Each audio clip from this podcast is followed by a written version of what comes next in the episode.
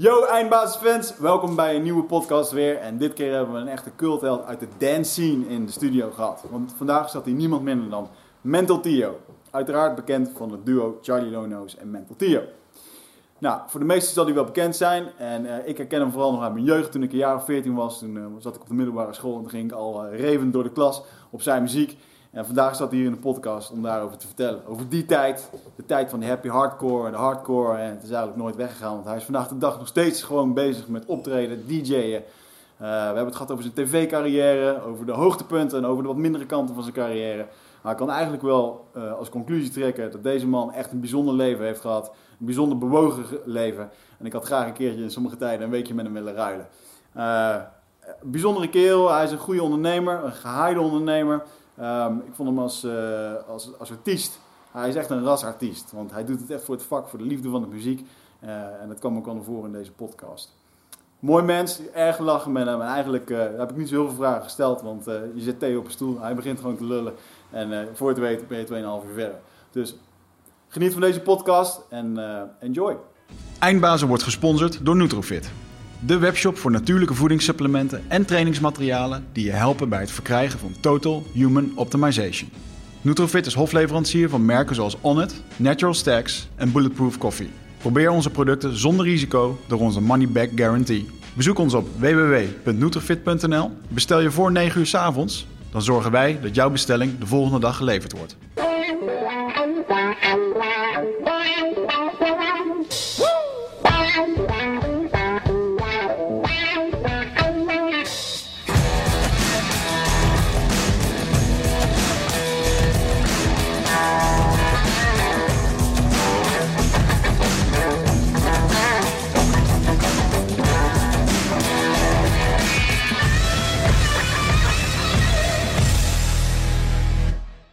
Ja, we hadden vanochtend ook alweer een cultheld. Hmm. Vandaag hebben we ook een cultheld. Want toen ik een jaar of 13 was, toen uh, liep ik in mijn hier rond op de, op de MAVO. Ja, jij was er een van, dat, kamp. Jij was er een van dat kamp, hè? En uh, ja, liep ik daar uh, al hakkend in de pauze met te vermaken op de muziek van ons gast van vandaag.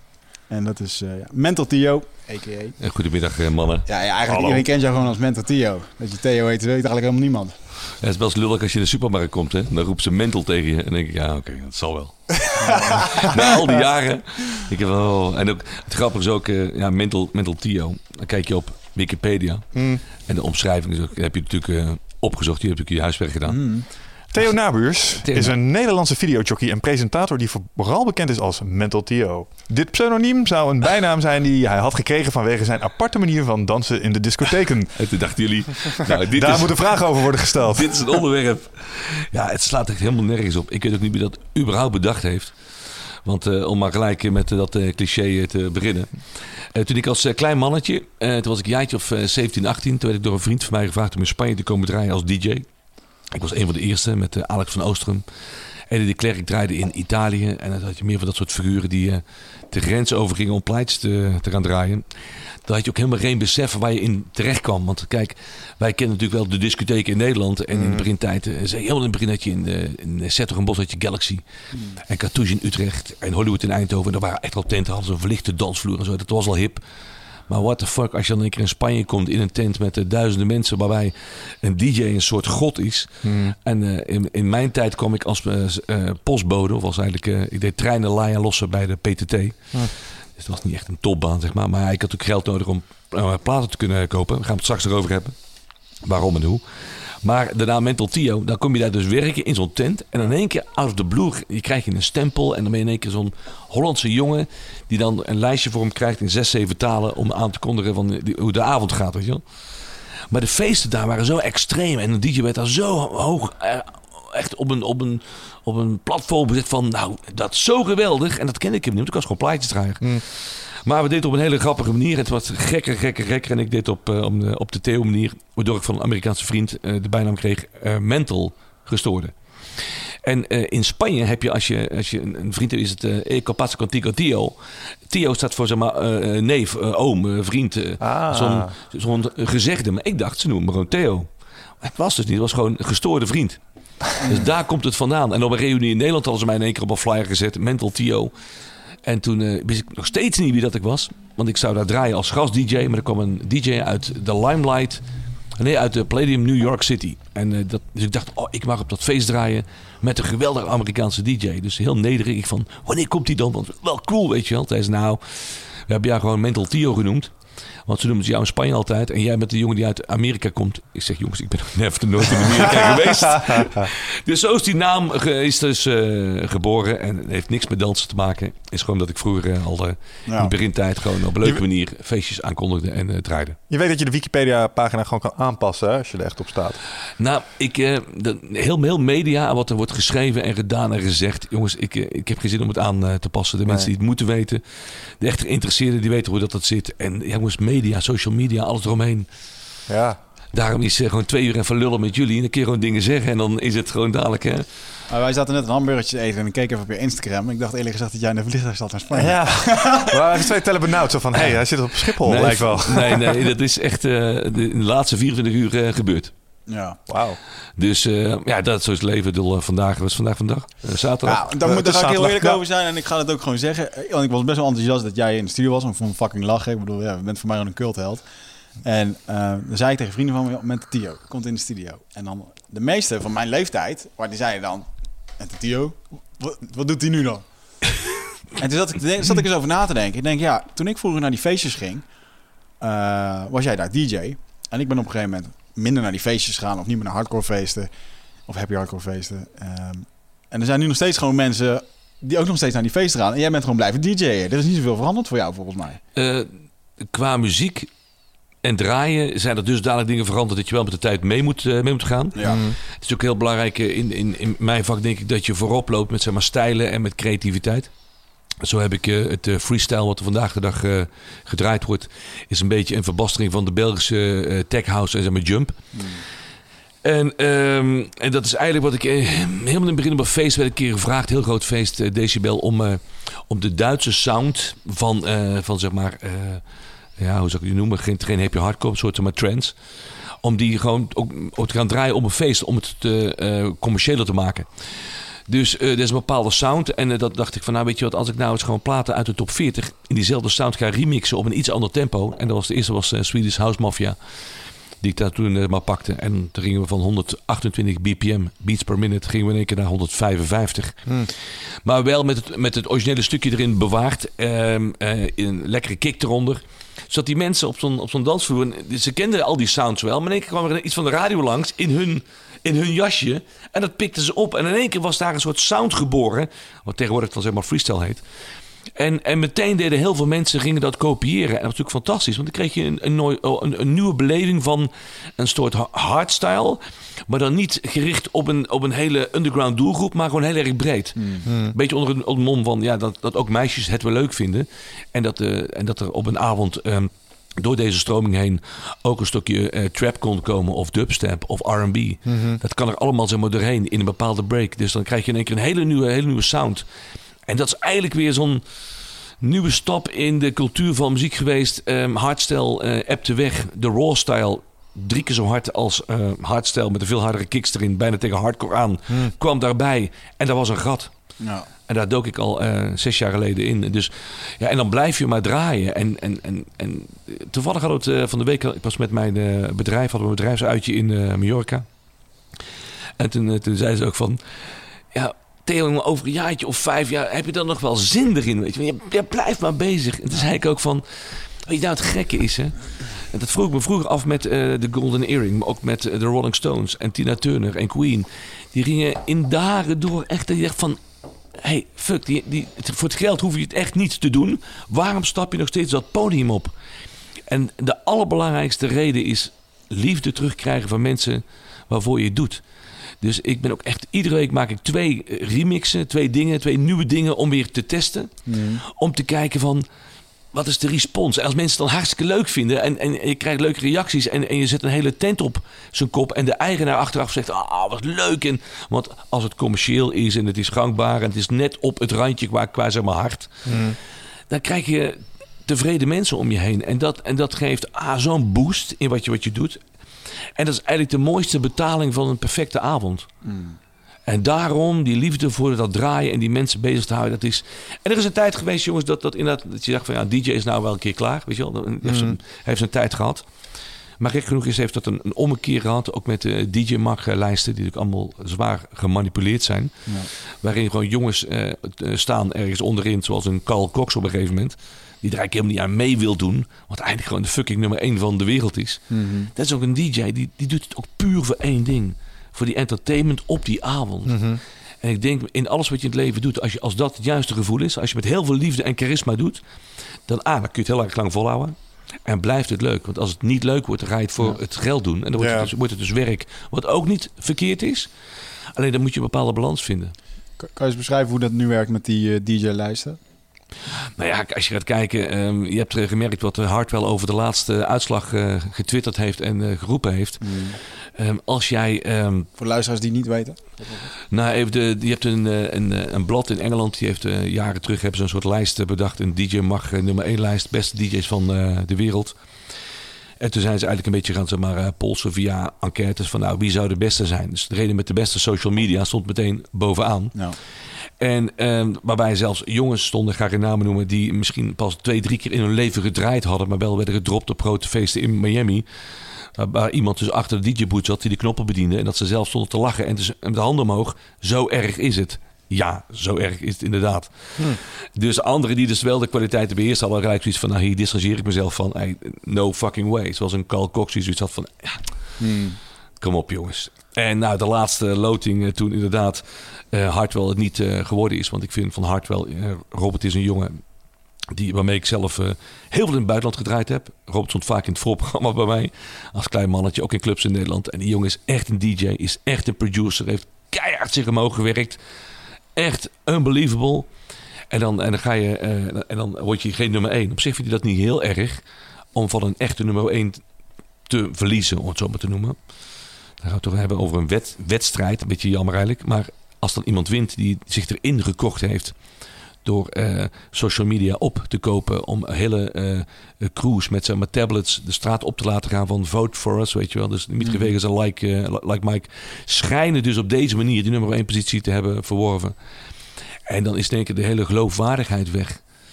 En ehm, ik denk zelf dat je, ehm, dat je zeker voor mensen in de creativiteit niet moet kijken naar wie een nummer 1, 2 of 3 is. Want iedereen die creatief bezig is, in welk gebied dan ook, of met muziek of met schilderen of whatever, heeft iets unieks. Anders zou die niet opvallen in de markt, toch? Ja, Mhm. dat denk ik ook. Sowieso sowieso is muziek natuurlijk iets heel persoonlijks. Ik bedoel, ehm, ja, ik zit niet heel erg in de, eh, in de muziek zien. Ik ken een aantal van de namen ken ik wel. Maar weet je, ik kan me voorstellen dat als je mij vraagt... Ik vind zelf rap heel mooi. vraag je top drie rappers. Ja, mijn top drie is niet Wigget's top drie. Is weer niet iemand anders top drie. Wat is Dus jouw top 3 dan? Qua rappers? Ja? Hou je van rapmuziek? Ja, ik kom uit de, uit, uit de hip-hop, hè. Dus Oh, eh, echt? toen ik vroeger een heel klein mannetje was, kreeg ik de kans om bij een, een, een, eh, magazine te gaan werken. En dat was CB's Rap Society. En toen had ik in één keer te maken met eh, MC Ren, Eazy-E, Ice Cube, dat soort figuren. En, oh, what the ik wist echt, ik kende die sommige platen wel. Hmm. Maar NWA en zo. En dan ging ik me daarin verdiepen vroeger. En dan ging ik nou ook naar, naar feesten. En als ze in Paradiso eh, iets zeg maar, kwam, dan, dan dook ik er ook op af. En dan zie je in één keer de- waar dus de underground hip-hop vandaan komt. En wat, ook, wat nou eigenlijk hip-hop is. Heel veel mensen snappen het ook helemaal niet natuurlijk. Maar dat is wel heel erg grappig. En toen kreeg ik in één keer ook echt, echt de kans om mensen eh, echt te leren kennen. En het mooiste momentje was eigenlijk dat ik in, eh, in, in Dresden op de luchthaven zat ik tegenover Ice-T. En ik dacht, ik, ben, ik heb die vent toch een stuk geschreven over die man. Is, dit- ik dat, kan niet waar zijn, weet je wel. En toen ben ik echt, ik heb het, maar het paspoort nog altijd. Liep ik erop zeker, hey, ja, you uh, Ice Cube, yeah, well, how are you? I'm uh, Charles Meltillo. Oh, you, guys, ja. Nou, hij had al een show gehad, hip-hop show in, in, in Dresden. En wij hadden dus een raveparty gehad. En die man was zo oprecht geïnteresseerd in wat ik als ware deed. Terwijl ik er zoiets van, ja, maar ik ben geïnteresseerd in jou, weet je wel. Maar die man was zo fucking relaxed. En dat ik dacht van, wow. En toen ging ik weg. Ik zeg, luister, voor mijn vrienden uit de hiphop in Nederland. Ik heb jouw handtekening nodig in mijn paspoort. Want dit gelooft niemand. Ja, ja, ja. ja. Dus ik heb dat paspoort nog steeds.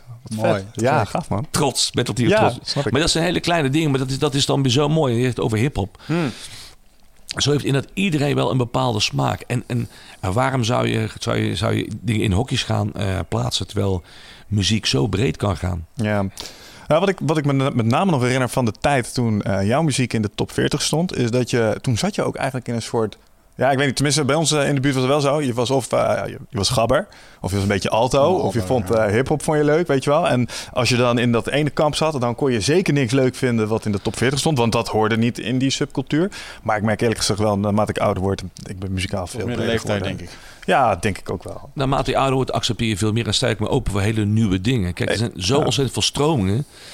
En het is ook vaak, en dat is eigenlijk het mooie. Het is, als je open staat voor nieuwe dingen in het leven, of nou muziek is of whatever, Ja, dat verbreedt je horizon en je creativiteit ook nog eens een keer. dat geloof ik wel. Wat ik met name interessant vind aan, ehm, aan nu, zeg maar, is ehm, de manier waarop je eh, nieuwe stromingen en nieuwe muziek leert kennen. Ik bedoel, je vroeg me net wat is je top 3? En het eerste wat ik deed was even Spotify opstarten om even te kunnen roepen wat het was, want dat laat me dat gewoon zien. Maar Spotify alleen al, zeg maar, heeft me met zoveel nieuwe muziek en zoveel nieuwe stromingen in aanraking gebracht. Ja, ik heb uh, playlists in genres die ik eerder niet zou hebben gehad of aangeraakt. Maar nu omdat ik er zo makkelijk bij kan, leer ik ook veel meer muziek kennen. Ja, en, en muziek is ook voor ieder moment gewoon, heb je zo een bepaalde, bepaalde sound, weet je wel. Het is, en, en, en vergeet ook niet dat er ook heel veel mensen hun rust en hun uh, vertrouwen zoeken in muziek. Hè? Mensen die problemen hebben of whatever. Muziek doet zoveel meer. Mm. En daarom, uh, daarom het eigenlijk grappig wat je zei van vroeger was het of het een of het ander. Mensen vragen wat, ja, maar die, die grappen van vroeger, joh, dan, ja, als we zeggen, joh, ja, wat jullie denken wat grabber is. Hè? Grabber was vroeger 120, 125 beats per minute. Was fucking langzaam. In de parkzichttijd was dat gewoon echt house. Echt house. En er kwamen steeds meer van die zaaggeluiden in, die zaagtandgeluiden. Maar het is echte grabber is nooit beuken geweest. Is nooit geen hardcore geweest. Mm. Daar komt de grabber vandaan. En, en, en natuurlijk is het allemaal natuurlijk... Ja, op een gegeven moment was het, uh, net wat je zegt... Het was hardcore, dat was je of hardcore en, en, en grabber. Want ja, dat, was, dat ging dan nog wel. Maar happy hardcore in onze tijd. Wij hebben echt een keus moeten maken. Mm. Wat ga je doen? En in die tijd, uh, en dan ga ik eigenlijk heel ver in het gesprek, eigenlijk helemaal naar voren toe. Want, want heel veel dingen zijn zo leuk om te vertellen hoe dat ik daar eigenlijk gekomen ben. Dus, uh, maar ik heb dus op een gegeven moment ben ik A&R-manager geworden bij Arcade. Hm.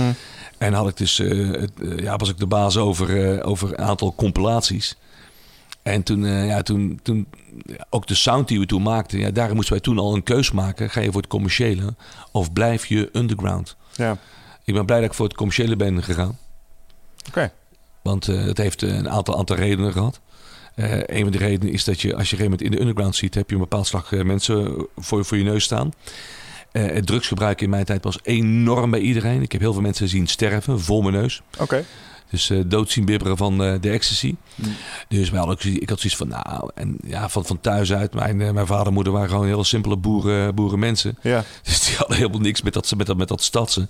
En kwam je thuis en dan vertelde je die uh, verhalen. En dan was het echt zo van, oh jongen, alsjeblieft, blijf daar vanaf. En dan heb ik eigenlijk mezelf en mijn ouders beloofd van, no fucking way, ga ik er ooit aan zitten. Mm. En een gegeven moment krijg je dan een kans uit. Hadden we een vrij commercieel plaatje. En dan kom je in één keer bij een andere doelgroep. Ja. In één keer hadden we weer meisjes voor ons neus, fans, mensen die het leuk vonden, die een petje wilden, die een shirtje wilden, die achteraf een foto wilden, die heel blij waren, die heel vriendelijk waren. Slipjes en daarbij gooiden. kwam. Die slipjes gooiden. Slipjes gooiden. Ja, alles. Ja, maar, maar ook dat je in het buitenland terechtkomt bij een, een, een commerciëlere doelgroep. Mm -hmm. Die echt respecteert wat je doet. En dan, nou, toen was de keuze zo makkelijk gemaakt. Mm -hmm. dan, heb je, dan krijg je in één keer zoveel liefde. Zoveel liefde in plaats van alleen maar hele holle ogen. Ja. Die je vragen blijven aankijken en zelf nooit het antwoord weten. Ja. Dus uh, maar ja, wat er aan vooraf gegaan, de weg daar naartoe is, is eigenlijk ook bizar. Als ik maar gewoon dom mag blijven. Ja, ja, ja, daarvoor ben je hier. Ja, want je zegt van ja, je, jij begon zo mooi met eh, de opening van Me- Mental Tier. Maar ja, wat doet hij eigenlijk, weet je wel? Eh, Doet hij nog eigenlijk iets? van, eh, het grappige is, toen ik, eh, toen ik dus eh, een eh, zeg maar beginnende DJ was, Hm. was voor mij eigenlijk het enige wat belangrijk was, was eigenlijk eh, ergens een baantje hebben om geld te hebben om platen te kopen. Ik kocht iedere week voor 400 gulden platen. En dat is veel geld. In die tijd was 400 gulden veel geld. Maar Ja. ik, ik, had, ik was dan, ik deed treinenlijn lossen bij de PTT. Ik, had een, eh, ik, ik bouwde een bowlingbaan als, eh, ik was daar dakdekker en ik was elektricien. Ik deed alles maar om geld te verdienen. Maakte niet uit hoe. Ik moest geld verdienen. Bij een taartenfabriek gewerkt. En, eh, want ja, als je een hele goede plaat had, dan was je de man. En in mijn tijd toen al ging ik naar eh, Rhythm Import in eh, Den Haag en USA Import in Antwerpen. En ik reed naar Osnabrück toe, had je een goede platenzaak zitten. En, en zo kwam je eigenlijk overal. En daardoor, in die tijd, het is zo'n groot verschil met, met, met nu. Nu kan iedereen alles downloaden, weet Ja. je wel. Dus, dus ja, de ene DJ draait exact hetzelfde als de andere. En, en in, in onze tijd ging je naar een DJ toe, omdat hij een paar bootlegs had, die geen hond had. Ja. En dat was een droom van mij. Ik, oh, ik moet die shit ook allemaal hebben. Dus ik had allerlei eh, baantjes al. Tot ik op een gegeven moment had ik een baantje, toen reed ik eh, gehandicapte kinderen. En dat was van eh, eh, Den Bosch naar eh, Nijmegen. En, eh, en had ik eh, drie van die eh, figuren in de auto zitten. Die, eh, die, daar, daar kon ik helemaal niks mee in het begin. En die kinderen waren echt, ja, die waren ook niet gelukkig. En eh, het grappige is, ja, ik kan echt heel erg slecht zingen. Maar ja, wat, deed ik in, die 45, min- in dat uur, begin ik met die kinderen zingen. Dus zo, na een maand kom ik in één keer bij, bij, mensen, bij mensen thuis. En die vader komt om af en zegt tegen me van... Wat heb je met eh, mijn dochter gedaan? Ik zeg, nou ja, ik zeg, nee, ja, ho- hoezo? Hij zegt, sinds jij haar rijdt, is ze zo gelukkig. Is ze beter te hanteren thuis. Is ze gewoon vrolijk. En eh, wat, doe je, wat doe je met, met, met, met, met, met, eh, met, met, wat heb je gedaan? Hoe, ik zei, ja, we zingen in de auto. Hij zei, we zingen in de auto. Ik zei, what the fuck? Zingen- wat, doe je dan? Ik zei, ja, ja, ik kan niet echt zingen, maar allerlei stomme, stomme liedjes. Dus we stappen in die auto en is het zingen, zingen. en, en, dan, en dan verzon ik allerlei onzin. tegen het raam aan. Ja, maar, ja, inderdaad. Maar die, ja, en toen zei die man... Ik heb een baan. Wil jij op taxi blijven zitten? Of wil je een baan hebben? Ik zei, wat voor een baan is? Ja, een soort huismeester op het instituut voor doven in Gestel. Hij was de directeur namelijk. Ik dacht, nou... Ja, nou ja, waarom niet? Wat moet ik dan doen? Ja, nou ja, die kinderen allerlei dingen doen. En ook eh, meubels eh, verkassen. En eh, verhuizingen doen. En troepen rommelen. En een beetje ja, zo'n huismeestertje. Nou, daar heb ik toen aan, aangenomen. En toen was ik eigenlijk eh, goed geld om platen te kunnen, te, kunnen, te kunnen kopen. Heel toevallig kwam ik door mijn draaien in aanraking met Turn Up The Bass. Ken je dat? Ja. Van vroeger nog. Nou, dan mocht ik bij de Turn Up The Bass Tour eh, draaien. En inmiddels eh, zat ik daar dus op dat eh instituut Verdoven. En een van de hoofdtaken was... s'morgens de vuile was ophalen... en smiddags de schone was weer afleveren. Dus dan kwam ik bij dat washuis... 's morgens met de vuile was. En die meisjes wisten dat ik de DJ was. Dus die maakten mij iedere ochtend belachelijk. Die hadden iedere ochtend hadden die zoiets van... Nou, die Theo, eh, ja, DJ. Maar jij blijft gewoon tot je 65 blijf jij gewoon die vuile was ophalen. En wat denk je nou? En toen was ik echt zo van, ah, what the fuck, toen baalde ik echt. Dacht ik, ik moet iets met mijn leven doen. Want het was gewoon echt heel lullig. Als ik dan aan het draaien was en die meiden van het washuis stonden voor mijn neus in een discotheek in Schijndel. Dan zeiden ze wel eens van, ah, zit hij naar stront, weet je wel, om mij gewoon te kleineren. Ik dacht, what the fuck. En toen ben ik eh, de boeken in, eh, in gedoken. Heb ik een toelatingsexamen gedaan voor bedrijfskunde. Dacht, what the fuck, ik ga weer studeren. Ik, ik moet wat anders. Ah, het was natuurlijk één grote ramp. Maar dat heb ik eh, ongeveer 2,5 jaar vol, eh volgehouden. En 2,5 jaar werd ik altijd vernederd. En dacht ik, zeg, komt een dag, lag ik hier zo keihard uit. Ja, ja, ja. En toen op die goede dag, toen draaide ik al langer bij de turn op de Base Tour. Toen zei de creative director van Arcade, we hebben iemand nodig. Wat van uh, opleiding doe jij? Dus ik, eh, HBO hè, bedrijfskunde. Nog geen studiepunt Oké. gehaald, maar... nee. En, eh, en, eh, en eh, was jou met jouw muziekkennis buiten jouw eh, clubmuziek om? Ik zeg, ja maar... Ik zeg, luister, Sven Koemans heette die man. Ik zeg, luister, ik, heb aan alle kroegen gedraaid. Ik ken alles. Kun je maandag langskomen? Ik zo, voor wat? Ja, we zoeken een, een eh, A&R-manager. Ik zeg, wat is een A&R-manager? Nou, een artist en repertoire manager. Ik zeg, oh, dat klinkt goed. Ja. Dus ik tegen mijn vader en moeder. Wow, mijn vader, oh, maar je hebt een vaste baan, een goed inkomen, dit en dat. Dan ga je maar naar een nieuwe gein toe met de auto. Hoe kom je daar? En ik zeg, ik ga praten. We zullen wel zien. Komt goed. En toen kwam ik in contact met Herman Heinsbroek. Die kennen we ook. Hm. Oud-minister. En eh, dus destijds de directeur van Arcade. Heel erg gesprek gehad over eh, muziek en alles. En dat hele bedrijfskunde of diploma's werd niet meer over geluld. Ze hebben honderdduizend vragen gesteld over management en dingetjes. Mijn gedachtegang. Ik ben nogal een eh, creatieve bij. Dus eh, wanneer kun je beginnen? De, ik, ik, zit, nou, ik zit nou, het kan eh, volgende week. Dus ik dus naar het instituut Verdoven. Kun je je voorstellen dat je daar al die jaren gewoon geknokt en geploeterd hebt. En dat je dan één keer zo'n washuis binnenloopt. Ik ga jullie verlaten. Ja, fijn gevoel staat. Zo'n fijn gevoel. En het mooie daarvan is natuurlijk bij Arcade ging werken en het ook allemaal lukte. Dan, dan krijg je wel een bepaalde verantwoording en dan verwacht ze ook iets van je. Zo had je op maandagochtend altijd zo'n A&R meeting. Zo'n management meeting. En dat was van, heeft iemand nieuwe ideeën? En ik gelijk mijn eerste dag natuurlijk, ja. Ik zeg, ik wil mijn platenbak op cd zetten. Want de core business van arcade was cd'tjes. Of het nou dancemuziek was, of Corey Konings, of eh, Barry White, of eh, whatever. Cd's verkopen. Waarbij er altijd een break-even was. Dat houdt in voor de mensen die het niet snappen. Je moet zoveel verkopen om uit de kosten te komen. Was die tijd 21.000 stuks. Als je dat nu zegt, dan is het gelijk eh, geweldig. Dan heeft Mark op staat ook gelijk een gouden plakkers in de handen. Jee. Ja. Die tijd was het een must om uit de kosten te komen. Toen zeiden ze, wat wil jij gaan doen? Ik zei, ik wil mijn platenbak op cd zetten. Zeg maar, ik wil heel, heel graag ook zelf de marketing doen. De hoes maken, de commercial maken voor tv, de commercial. Ik wil alles meteen leren. En toen zei ook de creative director, ik ga je erbij helpen. En de man die toen mijn baas was, Niel van Hof. Die zei, ik geef jij de vrijheid, maar verknal het niet. Hè? Als je iets niet weet, kom maar vragen. Nou ja, dus ja, ik vind dat heel erg leuk om, alles te weten te komen. Dus ik, ja, ik was iedere keer, hoe doe je dit? Hoe doe je dat? En hoe moet ik dit knippen? En eh, met een eh, Revox B77, hoe plak ik? Hoe knip ik? En, ik- en dus die werden gek van mij. Maar ik had zulke fijne mensen om me heen. En het team bij Arcada was zo ontzettend goed. En iedereen was gewoon met de neus vooruit. Echt Amerikaans denken, weet je wel. Aim high, we gaan ervoor. En toen kreeg ik die kans en dat lukte ook allemaal. En toen was Thunderdome geboren. En ze zei dat ze de naamsrechten hadden gedeponeerd. Dat allemaal via legal, afdeling legal. eh, dat allemaal eh, ver en rond was. En het kon allemaal. Ik had zoiets van, nou, hoe kan dit waar? Geweldig, weet je wel. En ja, toen ging alles zo ontzettend snel. En ja, voor je het wist was ik zeg maar eh, de man van Thunderdome. En eh, Duncan Stutterheim van IDT, die was de man die de feesten deed. Maar die had zoiets van, hey, what the fuck, Arcade gaat met mijn naam er vandoor.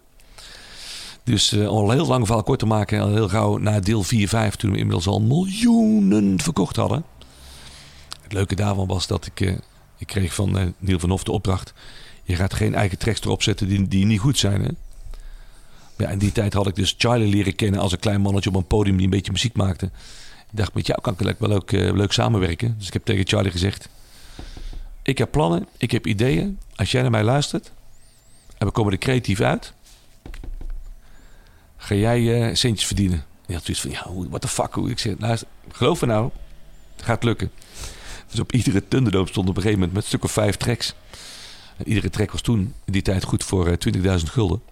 Ah, Dus dat ging van een armzalig salaris, salarisje in één keer naar een heel erg goed salaris. En Charlie en Theo groeiden en nog creatiever. Nog meer naar, over de wereld reizen. Want ik had Australië en Amerika al gehad binnen één jaar tijd. Dus alles, dus ik moet iedere keer vrij vragen. En ik kreeg ook gewoon verlof en dat lukte allemaal. Dus alles was in één keer mogelijk. Totdat IDT op doel kwam en in één keer eh, de pa van Duncan, denk ik... eh, Duncan even op zijn schouders getikt had van luister eens. Die rechten zijn eh, van ons. Dus stortte eigenlijk het Imperium Arcade helemaal in. Intussen was ik mijn eigen platenfirma begonnen. En was de man die me eigenlijk groot gemaakt heeft daar, eh, Niel van Hof, ging naar Polydor. En die werd daar de directeur. En zei Theo, kom ons mee, dan gaan we samenwerken. Zij aan zij.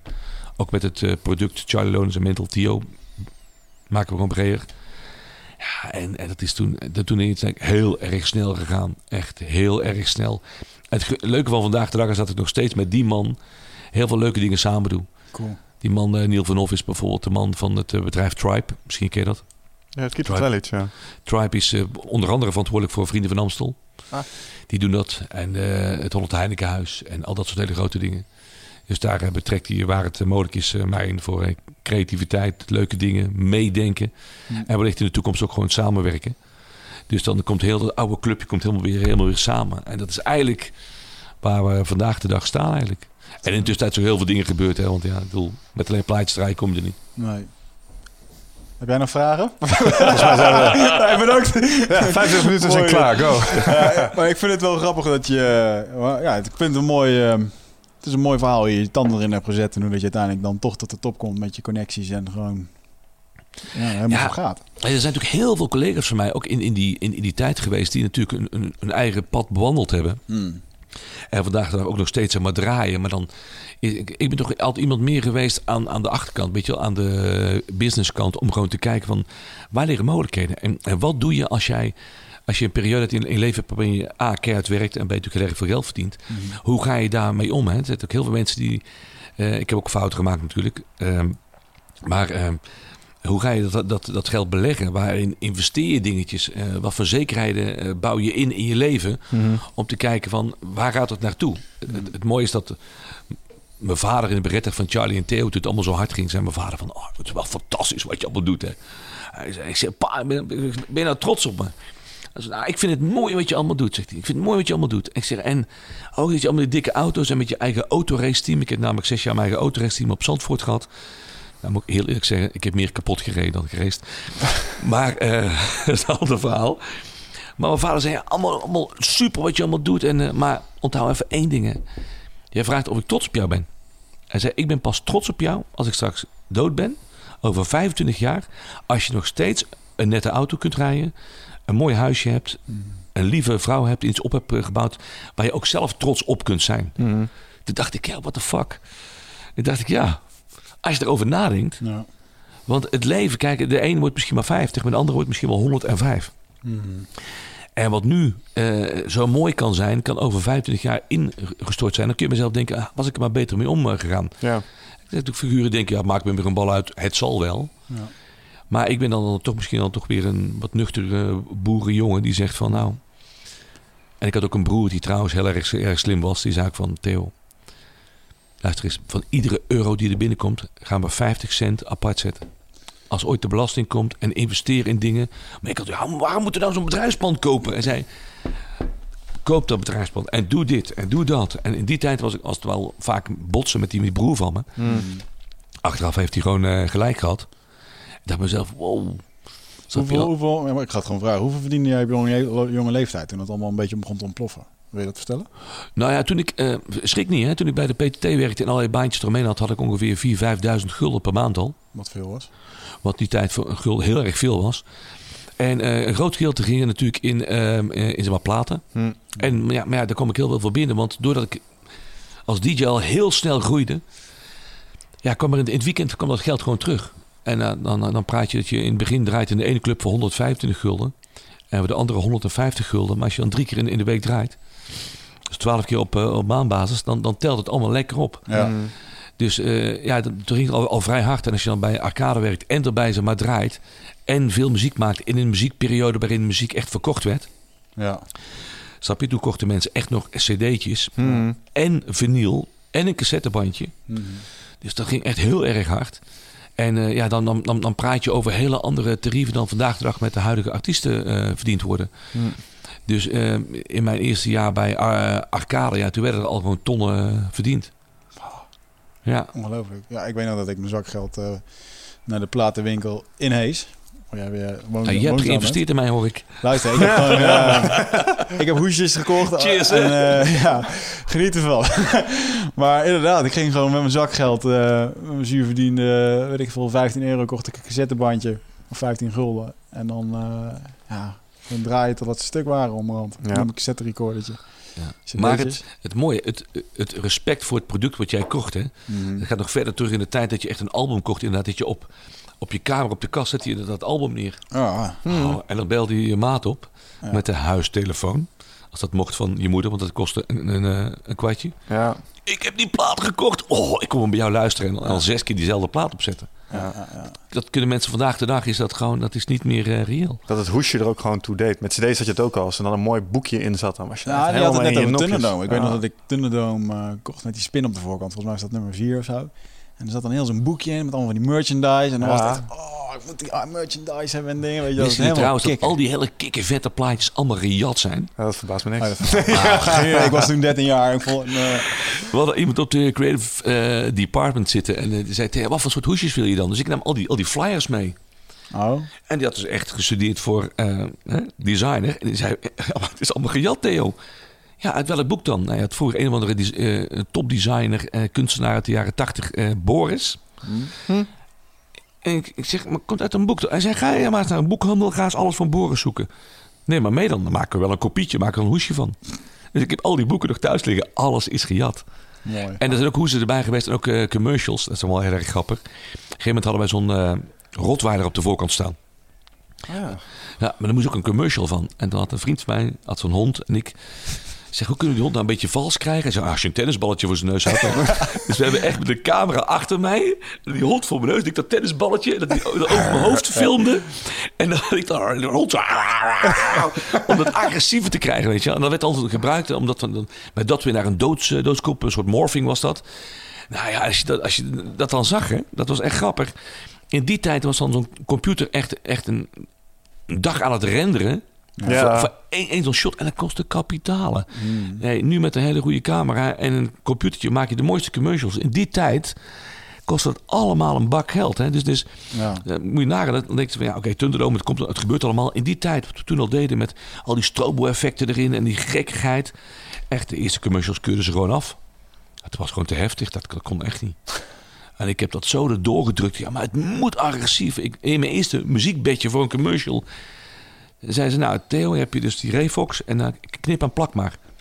Dus ik duwde gewoon in 20 seconden duwde ik ook zeg maar een stuk of 10 platen. was echt van Thunderdome. Fuck, fuck, fuck, fuck. Thunderdome, out now. En zeiden ze van, what, what the fuck is dit? Ik zeg, zo gaan we het verkopen. Ik stel me die vergadering echt voor, weet je wel. Een paar van die gasten in een pak. Theo met dit hoofd, drukt op play. Nou, maar nou, nou zeg je wat. Hè. Toen ik dus, zei ze, in zo'n meeting is dan, kun je dan volgende week een presentatie geven? Ik zei, Ja. nou, dat kan ik. Dus ik had wat hoezen bedacht. Hè, want, en dan moet je daar dat er een team van 20 mensen zit. Die, die echt mij aankeken van, maar ook echt zo van, hmm, ja, hm, hmm. Je had net eh, het eh, nieuwe album gedaan van eh Corrie Konings bijvoorbeeld. Tja, dan denk je hier 21.000 stuks van te verkopen. Ik zei, nou, ik denk dat ik er misschien wel 50 tot 100.000 van ga eh, verkopen. Maar ik was een heel jong broekie, eerste keer. Dus je bent echt niet serieus genomen. Ik zeg, luister, als wij, als ik het recht krijg om het alleen te doen... Nou, nee, nee, nee, nee, daar ben je nog niet echt... Want de eerste moest ik met iemand samen doen. Maar die wilde er ook al een Tour Limited op hebben. En Dat was, was tegen al mijn principes, weet je wel. Dan, Ah, no, fuck, no. Nou, en bij deel 2, want de eerste verkochten wel 70.000 stuks, hè. Toen was het al van, nou, die Theo, die snapt het wel. Dus ik in die, in die volgende meeting zegt, jullie zijn helemaal verkeerd bezig. Dit was zo slecht.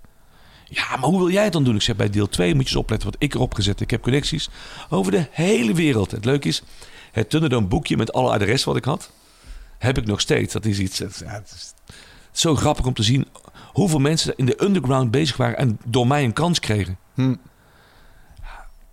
Bij deel 2 liet ik dus de, de liedjes horen. Toen zei iedereen, nee, nee, nee, nee, dat kan echt niet. En degene die ook deel 1 had gedaan van, ja, nee, nee, maar Theo, ik zeg, luister. Geloof me nou, en dus diezelfde Niel van over wat zei, als Theo, als, hij zit in de scene, we hebben al 70.000 van één verkocht, let's go for it. Ehm, zou dit een markt voor Duitsland zijn, Duitsland zijn ook? Ik zeg, Duitsland, absoluut. Duitsland kan ook makkelijk. Jij spreekt toch Duits, Theo? Ik zeg, ja, ik spreek wel eh, behoorlijk goed Duits. Heel toevallig. Nou, eh, kun je presentatie geven in Duitsland? En toen zat ook iedereen daar van, nou, dit gaat echt helemaal niet. Dit, dit kan echt niet. Dus op een gegeven moment waren ze overstag in Nederland. We zouden het gaan doen. Ik naar Duitsland toe. Als je het over grijze pak hebt in de muziekbusiness. In Duitsland was het echt grijze pakken en Ja. een grijze stropdas.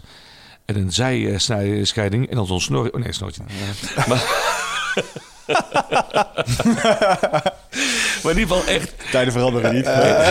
heel conservatief. En ik dacht van, en dus ik in mijn beste Duits van, nou, dit gaan we doen. En ik wil. En zei ze, nou, ja, ja, ja. En wie heeft gezegd dat, dat, dit, dat je de goedkeuring krijgt? Nou, die en die, die hebben dat verkocht in Nederland. Oké, nou, zullen we dat, nou, nou, nou, dan, dan gaan we het proberen. Ja, dus eh Arcade Duitsland was destijds heel erg groot. Arcade zat over heel Europa heen met eigen vestigingen. Big business. Dus ze zouden het wel proberen. Van deel 2 gingen we meteen over de 500.000 stuks heen in eh, Europa. En dat groeide door naar anderhalf miljoen. Dus daar was een kindje geboren en ik kon nog een hele grote bek hebben. En het was lachen en lol. En het team om ons heen, want iedereen werkte natuurlijk even hard mee. Ik was niet alleen, maar ik had geweldige mensen om me heen. En, en het was echt, om tien uur s morgens begon je daar en om s'avonds om tien uur ging je naar huis toe. En het was al een Chinees eten op de zaak en lachen en lol en een biertje erbij. En, en die sfeer, die, die creatieve sfeer, Ja. dat, dat was, voor mij was dat gewoon iets van, nou, die business is voor mij echt het dingetje gewoon. Ja.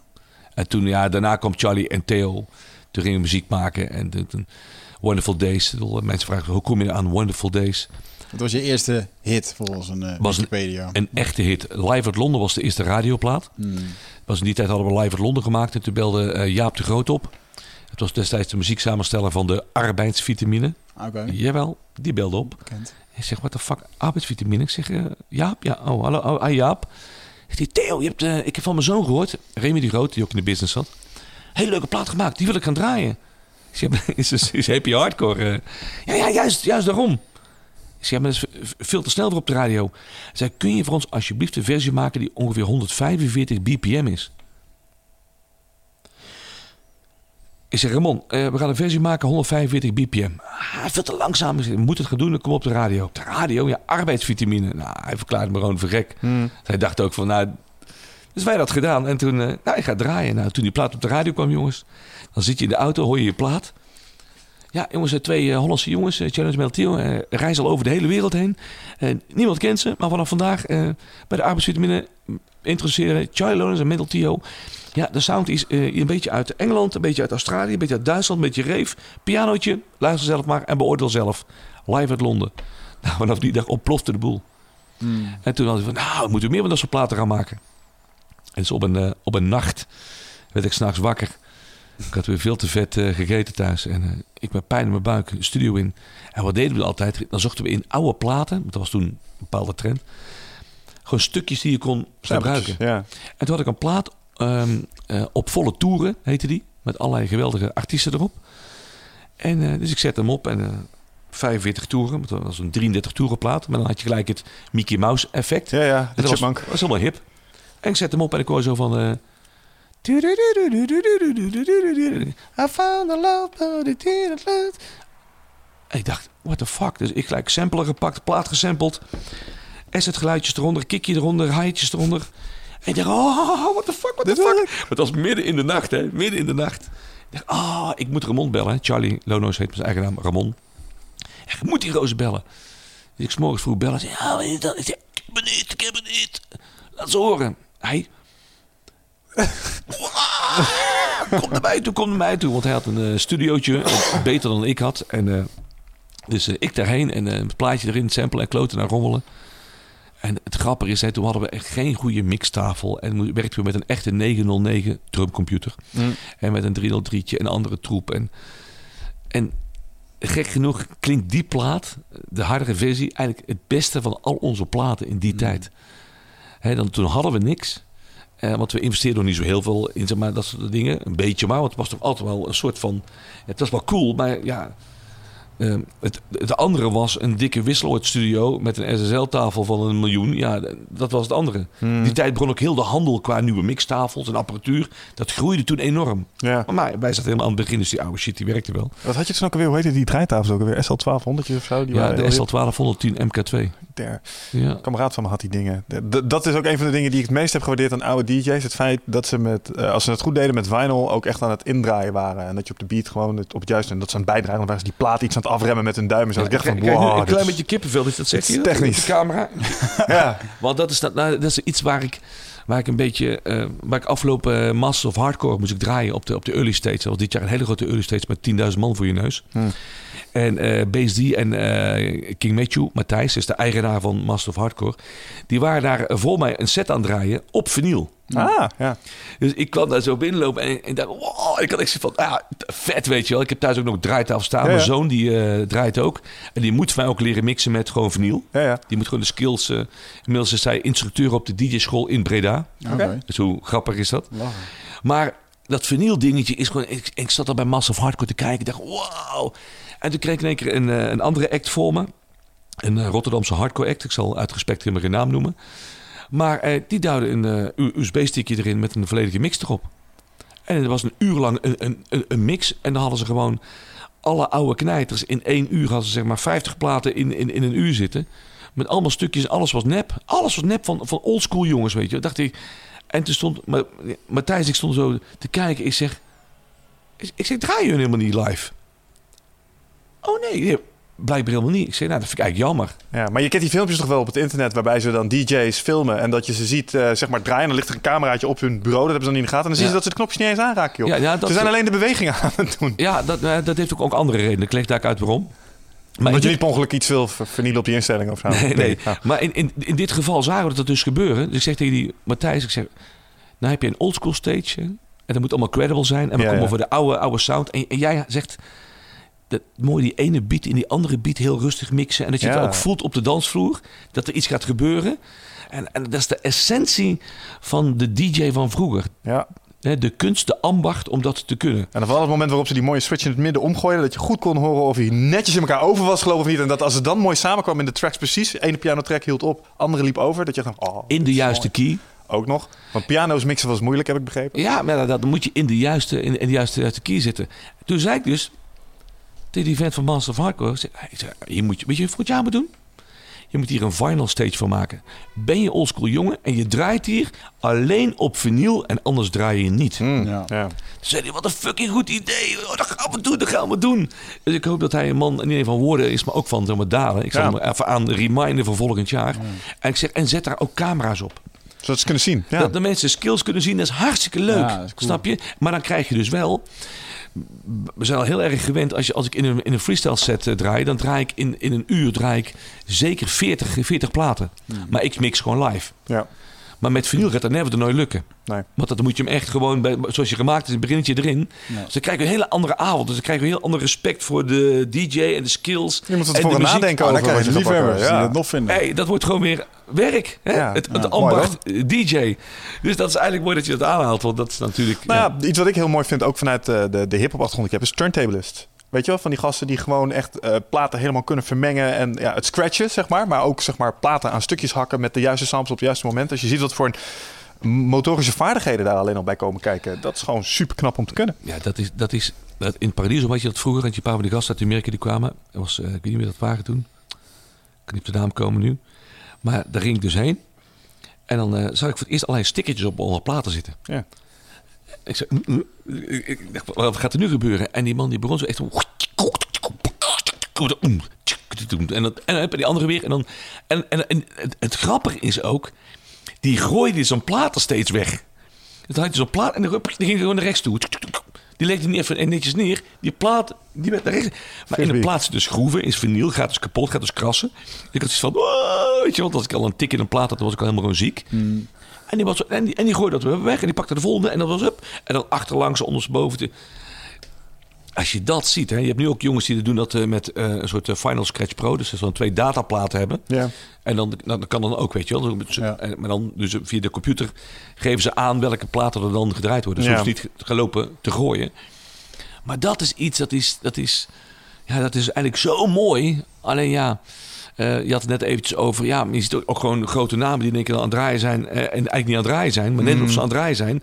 En eh, David, David Guetta bijvoorbeeld. Ja, dat is een man die, die is van vroeger uit, ja, het was een muzikant en ik kon ook wel draaien. Maar ja, dan, dan komen er zoveel filmpjes duiken erop. Waarin hij echt helemaal niks doet. Heeft soms te maken met een programmering van de lichtshow die erop af is gestemd. Dat alles met vuurwerk en licht allemaal zeg maar, klopt. ja, dan kan hij niet even afwijken. Daar kan hij niet even afwijken. En eh, nou ja, dan ook nog met eh, hetgene wat hij eh, toe zich neemt tijdens de set en voor de set.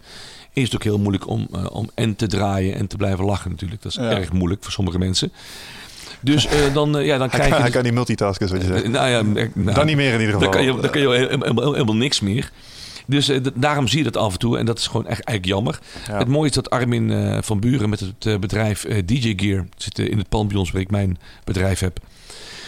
Die heeft vorig jaar of het jaar daarvoor, ik weet niet het was... hebben ze in de Brabantallen hebben ze maanden geëxperimenteerd... met een nieuw systeem wat ze toe hebben gepast op de Pioneer CD-spelers... om een soort dataverwerking te kunnen laten zinken... met een DMX-soort systeem... Dan ga ik heel technisch praten. Lichte aansturing en geluid in één keer. Dus je, dus je draait een bepaalde plaat, maar van tevoren in de plaat codes zijn verwerkt waarop er aansturingen mogelijk zijn voor effecten. Ja, ja, ja. Oh, Dus oké. dat is Armin is een van de voorlopers daar in, eh, in, in, in de wereld in. Oh, wat typisch. Want nu, nu is dat dus eh, niet zo... in mijn beleving is het redelijk simpel. Je hebt muziek. Dat wordt waarschijnlijk naar een apparaatje gestuurd. En dat apparaatje vertaalt de muziek naar stroboscoop bijvoorbeeld. En die zorgt ervoor dat de lampjes op een gezette tijd aan en uitgaan. Dat is niet hoe het nu werkt. Nou, zoals het nu werkt is dat je echt gewoon geluidsmensen of eh, lichtmensen hebt. Ingenieurs die echt gewoon ehm, of van tevoren alles doorkrijgen met bepaalde codes en, en dingetjes. Maar een DJ is cre- echt creatief. Dus dan denkt hij, nou dan draai ik die plaat of die, eh, of die eh, plaat. En soms is het erin gesmeed.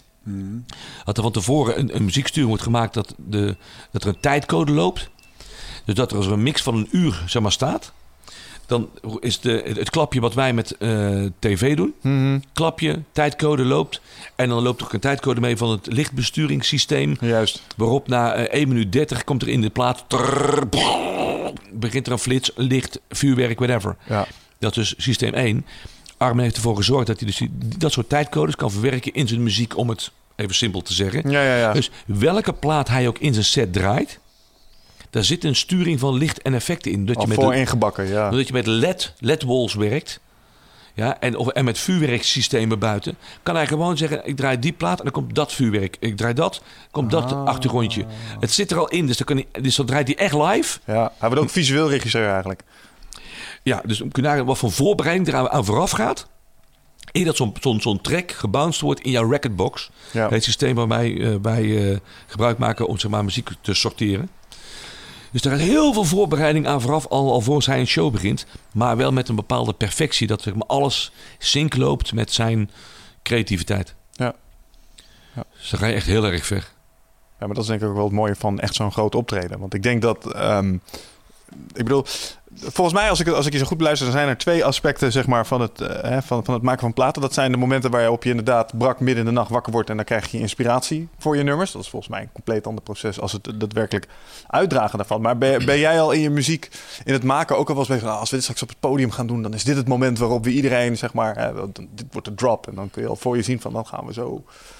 Snap je? Is dat heel visueel voor je? Of Nou ja, dat ben is je al met- bezig met de uitvoer als je het maakt? Dat is nou, denk ik wat ik... Nou ja, als je, als je eh, plaatjes maakt met zeg maar, eh, eh, ge- gezongen ele- ele- elementen erin, zoals met Wonderful Days and Stars en Your Smile.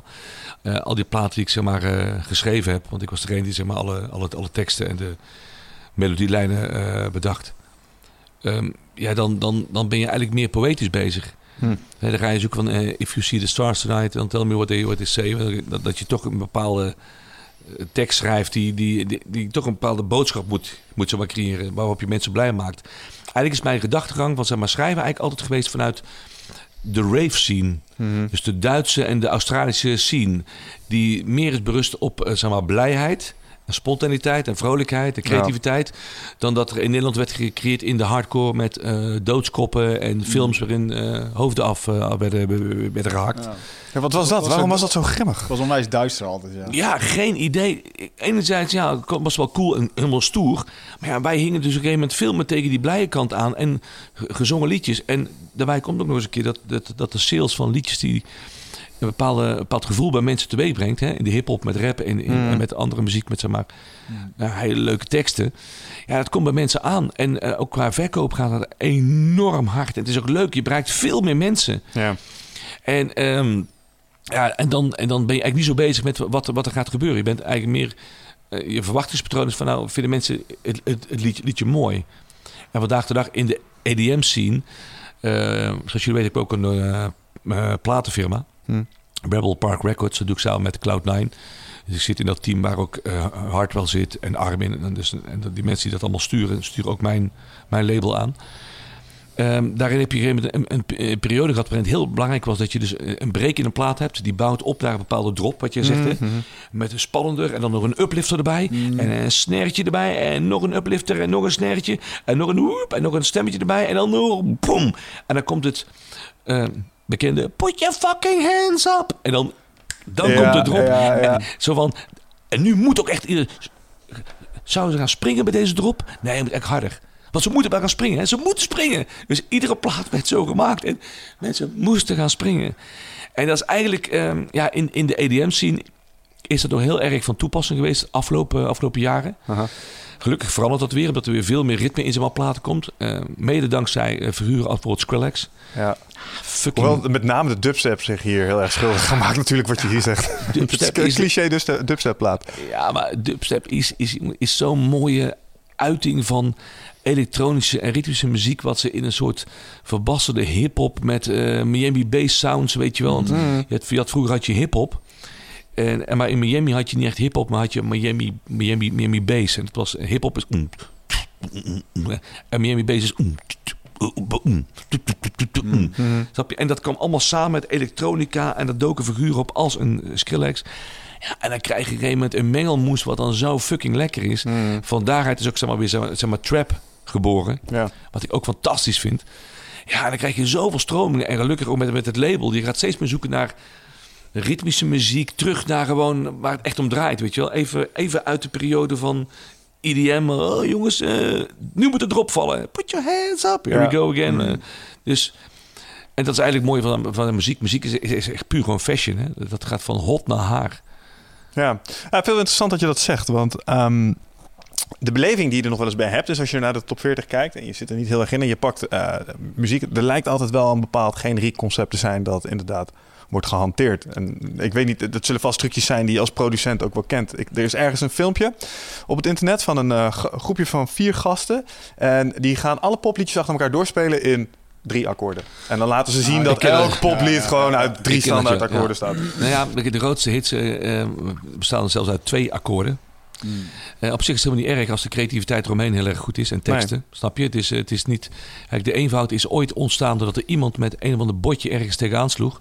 Ja. En een bepaald gelijk. ritme heeft gecreëerd. En dat was in, in, in, in, in die tijd was dat de Michael Jackson van de stam. Ja. Ja. Snap je? En in de loop der jaren is dat inderdaad natuurlijk eh, verbast naar allerlei verschillende stijlen en, eh, en akkoordzettingen. Het, het, het grappige is wel dat, dat, dat wel alles een apart naampje vaak krijgt. Waar we nu heen gaan is een beetje de future-based sound. Dat gaat nu eind dit jaar en volgend jaar gaat het heel erg leven. In Amerika leeft het al heel erg. En ook de, ook de trap wordt steeds, steeds dikker. En, eh, en daar geniet ik wel van, omdat... omdat eh, ja, het is, een sound waarin we wel weer teruggaan. Dat merk ik kijken aan die, eh, aan, die, aan die, aan die zoon van me. Die, eh, die maakt dus muziek. En die is eh, veel meer bezig met in, eh, met in eh, app- apparaten zelf sounds te creëren. Dus niet een, een sound uit zeg maar, Nexus pakken of uit eh, Massive. Maar via een, een, een sound eh, systeem waarin je zelf je sounds moet maken. Is fucking moeilijk. ja. Maar die zit nou, ja, ik wil echt mijn originele sound. Ik wil mijn eigen sound. Ik wil een sound hebben die ik zelf gemaakt heb. Ja. Dat is zo'n monnikenwerk. Ik heb zelf als een digitaal drumcomputertje geïnstalleerd. Gewoon eens even kijken hoe dat dan eh, werkt en dat soort dingen. En dan kom je met je standaard snare aan. En dan denk je, ja, dit klinkt wel geinig. Maar dan wil je tweaken. Dan krijg je een plethora aan opties met allemaal dingetjes waar je kan draaien. En je, weet je wat, laat me lekker Ja, zitten. nou, dat is de, de nieuwe generatie neemt dus het, heeft dus het geduld om nachtenlang een soundje. En, Ja. dan, en dan krijg ik... eh, dat die, Pap, ik heb eenmaal een soundje bedacht, jongen, voor een van de club, eh, clubplaatje. Zo fucking vet. En dan kijk ik midden in de nacht, weet je wel. Vier uur komt zo'n ding, piep, piep. En dan, pap, vet hè? En dan luister ik en zeg, Wat is dit dan? Waar heb je dit vandaan? Ah, ik heb in Serum zitten werken, jongen. Ik heb op YouTube alles afgezocht. Dus een vent die legde uit, weet je wel. Erg fucking dik, pap. Ah, dit. en dan, maar, dan, maar dan klinkt het ook zo fucking lekker. En dat is ook zo goed. Dat ik denk van, ja, ja, dat is de nieuwe generatie. Het, stiekem gaat het toch weer terug van niet uit een apparaatje. Ja.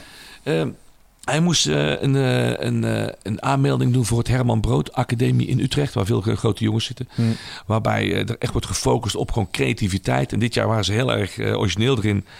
Waarin ze zeiden, nou ga maar eens een plaat maken met heel veel eigen, eigen geluiden. Mijn zoon messen op de grond gooien en nam hij op als een soort crash. En met, een, met, een, met sushi stokjes tegenaan tikken om een, om een soort eh rimgeluidje te krijgen. Een hi-hat creëren. Waterkraan, stoom, alles uit, Ja, uit de kast ja, ja. getrokken. Alles moest, moest zeg maar vallen en gooien en, en smijten. En die moest dus zo een, een, een plaat gaan maken. En waarop eigenlijk wordt gedoeld zoek de geluiden in, in de omgeving om je heen. Dat vond ik eigenlijk zo'n zo'n mooi creatief iets. Dat, dat, dat, dat ze eigenlijk de nieuwe ge- generatie gaan zeg maar, al sturen van jongens. Word weer creatief. Ja. Hoe mooi is dat? Lachen, man.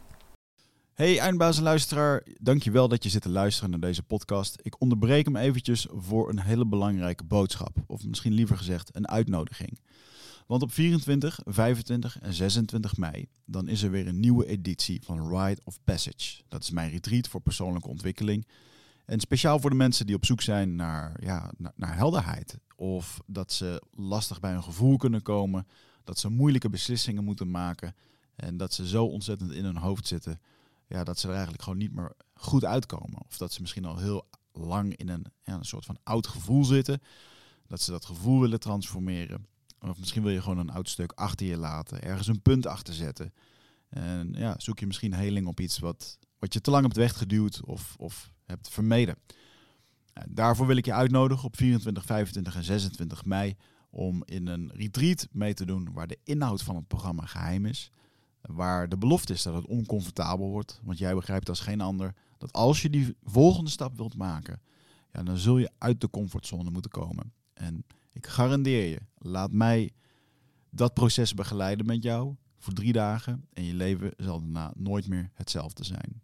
Gemiddeld beoordelen de deelnemers het met een 9,2. En daar ben ik ontzettend trots op. Er is ook een money back guarantee. Heb je de drie dagen vol, volbracht en vind je het niks, krijg je gewoon je geld terug. Dus het enige risico wat er is, is dat je gelukkiger kan worden. Ik zie je Bride of Passage. Ga naar wichertmeerman.nl en klik op Retreat. Hey, even om uh, van het muziek maken ben je op een gegeven moment ook een beetje een tv-carrière begonnen. Ik ken je nog, vroeger had je ook TMF en de box. En, uh, mm. Ja, en ik ken jou echt nog dat jij uh, de basement had jij eerst. Dat was ook bij TMF. En daarna had je die fucking bank in de time-out. en in Hollywood in, in uh, Rotterdam. In, Rot in Hollywood. Uh, Hollywood en, en een time-out, ja. En dat was echt hilarisch. En ik weet nog dat ik in die time-out... Je hebt gezeten, hè? Nee, nee nou, dat was dus altijd het ding. Dan liep ik in de, time in de time-out. En natuurlijk hoe uh, verder de avond vorderde, hoe meer dat je had gezopen... hoe groter dat elkaar lagen, of hoe meer dat elkaar lagen op te fokken. Maar zullen, zullen we gewoon in de rij gaan staan? Er stonden gewoon rijen voor om op die bank te komen. Helaas wel, ja. En, Helaas en, en, ik, en ik herinner me nog als ik het dan later zat te kijken... en dacht ik, ja, die Theo ligt echt al die wijven daar helemaal voor, gewoon voor de gek te houden. Al die gasten die er komen, weet je, dat is één grote, één grote joke wat je daar deed. Ik vond het wel super lachen en het was puur entertainment. En uh, wat was jouw ervaring met die televisie? Eerst deed je de basement, toen uh, je Het ontstaan van tv. Op een gegeven moment was Charlie en Theo altijd allemaal een beetje, een beetje gezien qua shows en... Kijk, als je nagaat dat je op een gegeven moment uh, 360 shows per jaar doet in binnen- en buitenland over de hele wereld heen. En je vliegt dagelijks. Hmm.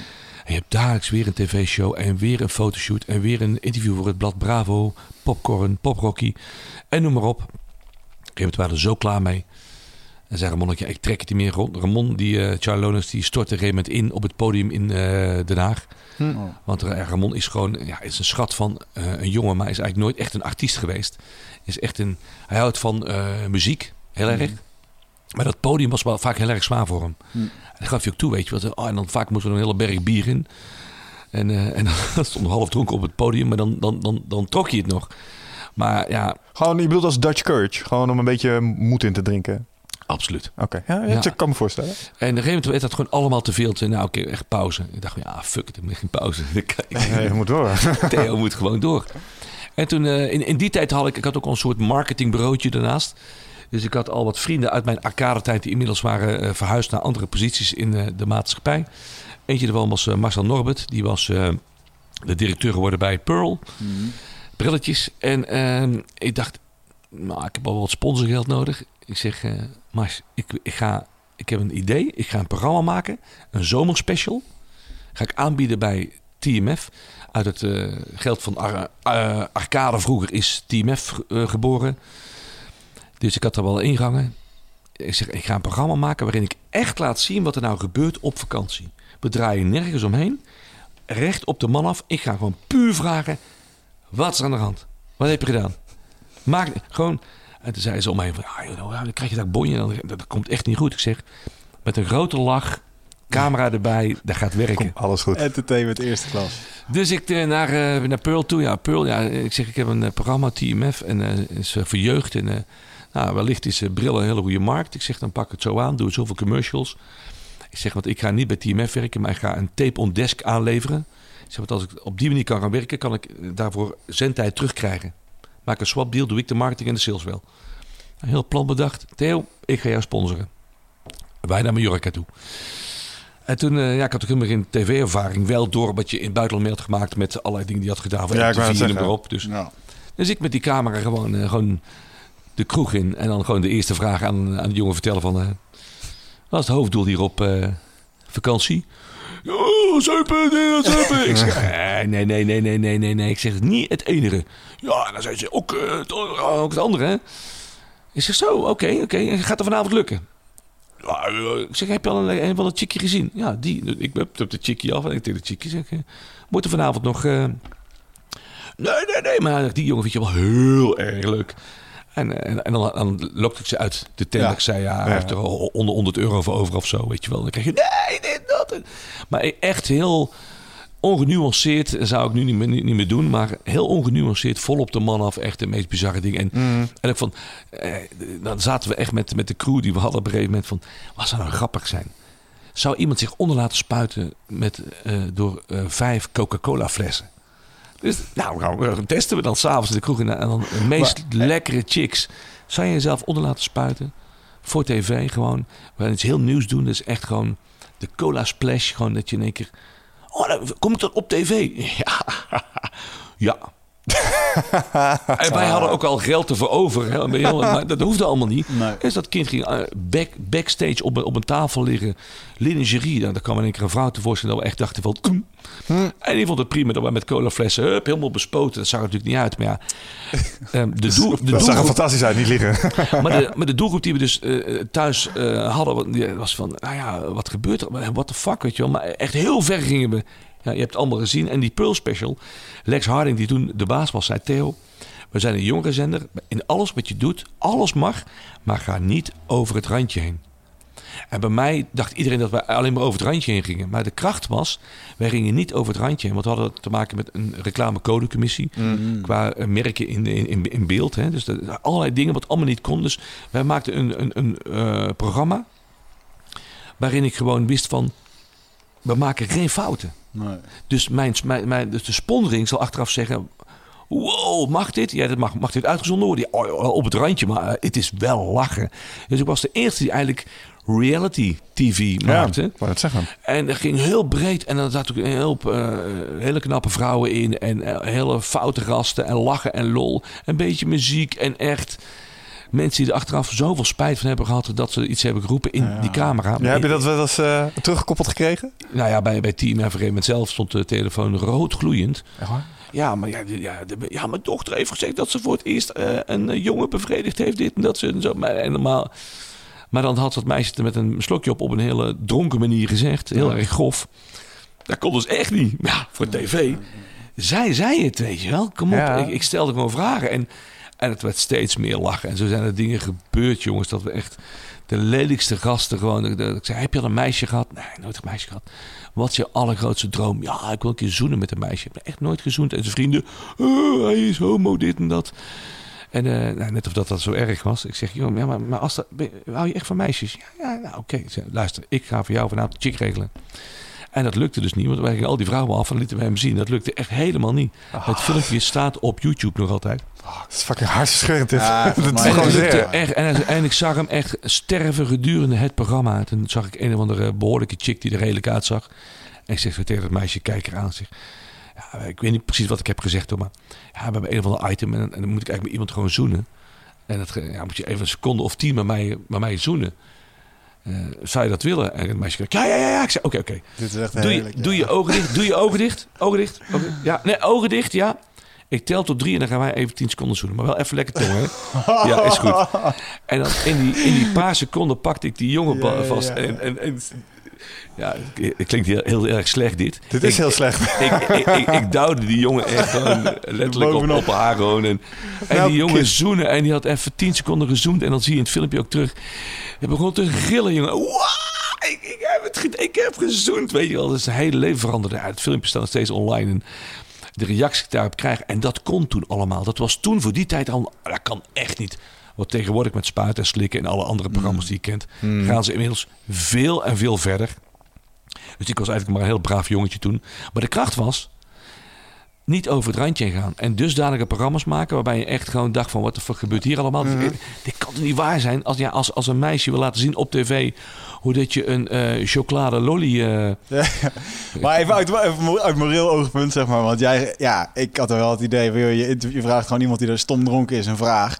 En die krijgt gewoon een super dronken, stom antwoord terug. Heb je dan nog nooit gedacht van, ja, eigenlijk wel kut. Want die jongen die zegt gewoon iets in dat moment. En vervolgens staat hij op Team F, waar heel fucking Nederland jeugd naar, ne- naar keek. ja. Er was ook geen ontkomen aan, zeg maar. Had je dan nooit een keer een gewetensding zo van, ja, eigenlijk... Dit zijn Dit bijzonder had, hij, compromis. dit had hij op een doordeweekse dag niet gezegd. Nou, nou Nee. komt het, hè. Hij is zelf beslist dat hij alcohol toe hem neemt. En wij zeggen altijd achteraf van... eh, hey, het komt op tv, dat weet je.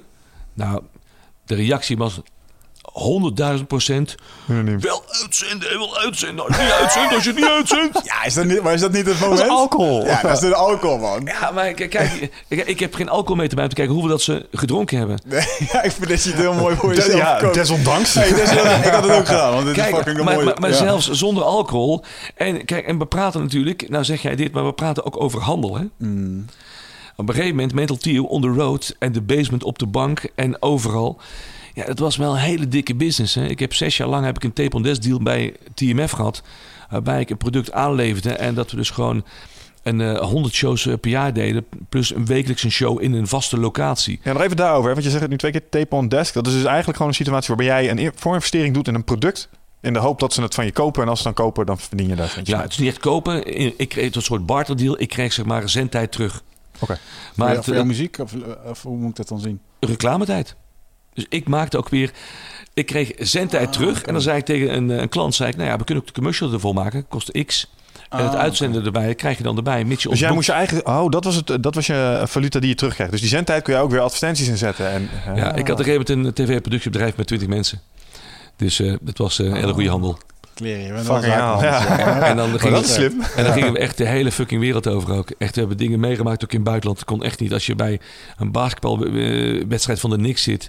Op in Madison Square Garden. En je mag ook op de, midden, op de midden, middenstip komen en zo. Helemaal cool, weet je wel. Ja. En de directeur van het hotel waar we ook gaan. Alles gaat, alles gaat ze.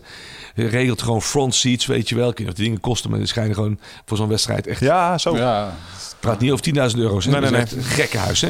En dat je dan gewoon naar de eerste helft zegt... Oh fuck, we hadden ook nog gratis eten in het Four Seasons restaurant. Four Seasons, ken je dat? ja zeker. New York.